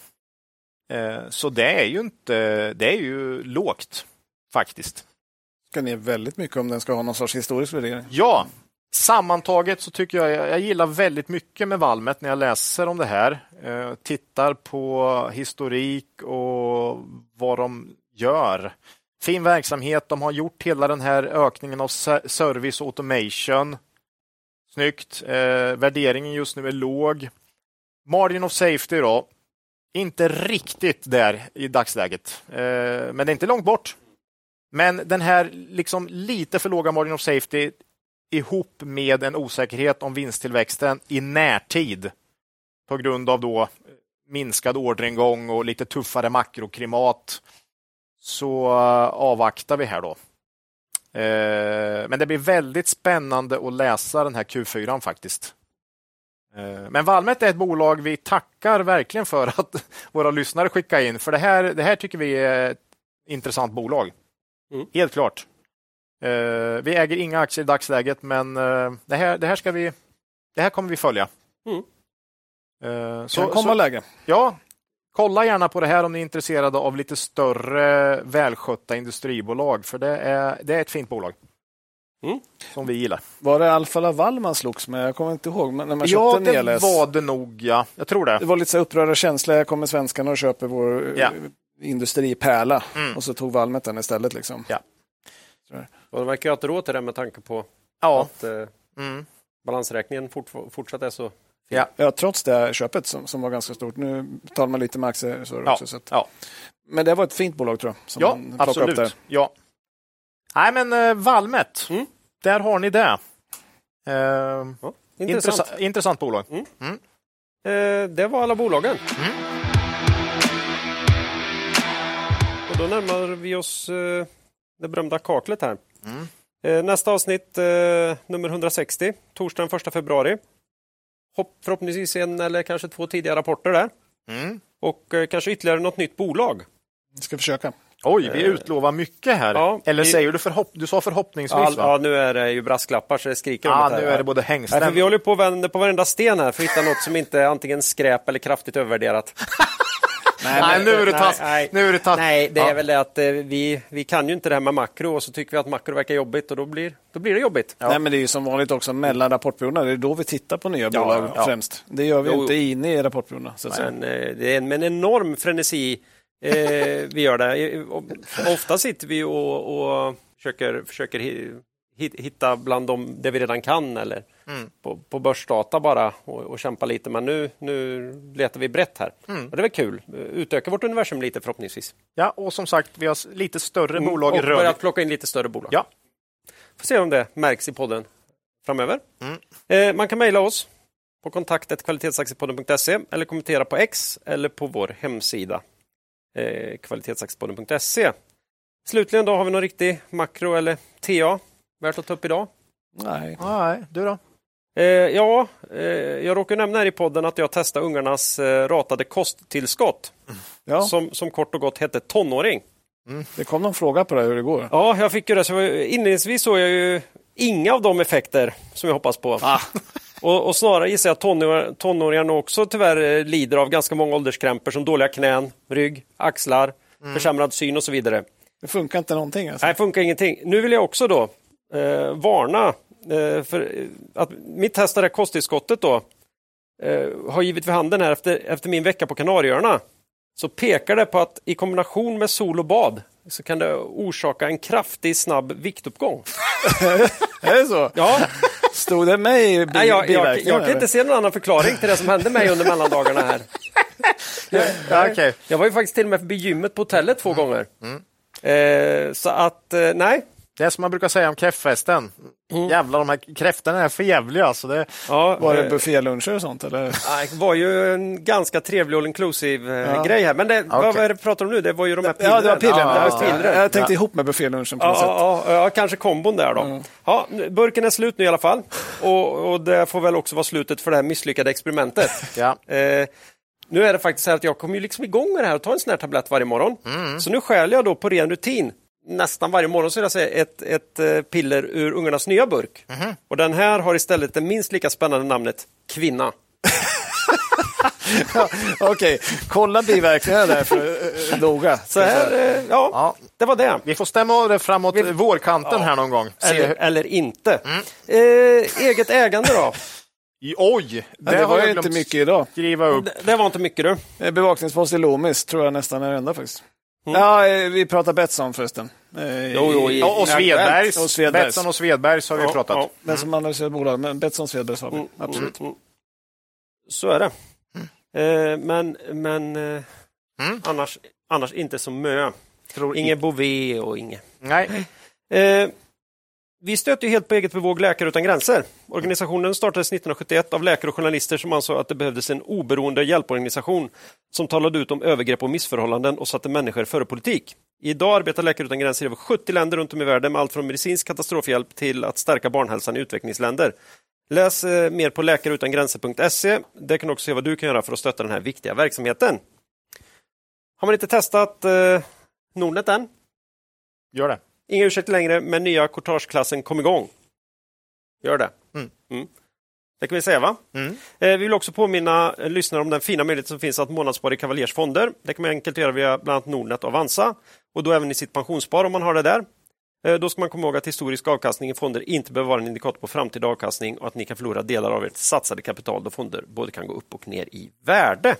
Ja, men jag vill tacka alla lyssnare för den här gången. Välkomna dem in i det nya året och samtidigt ber dem komma ihåg att Det är först när tidvattnet drar sig tillbaka så ni får se vem som badat naken. Lose money for the firm and I will be understanding. Lose a shred of reputation for the firm and I will be ruthless. I welcome your questions.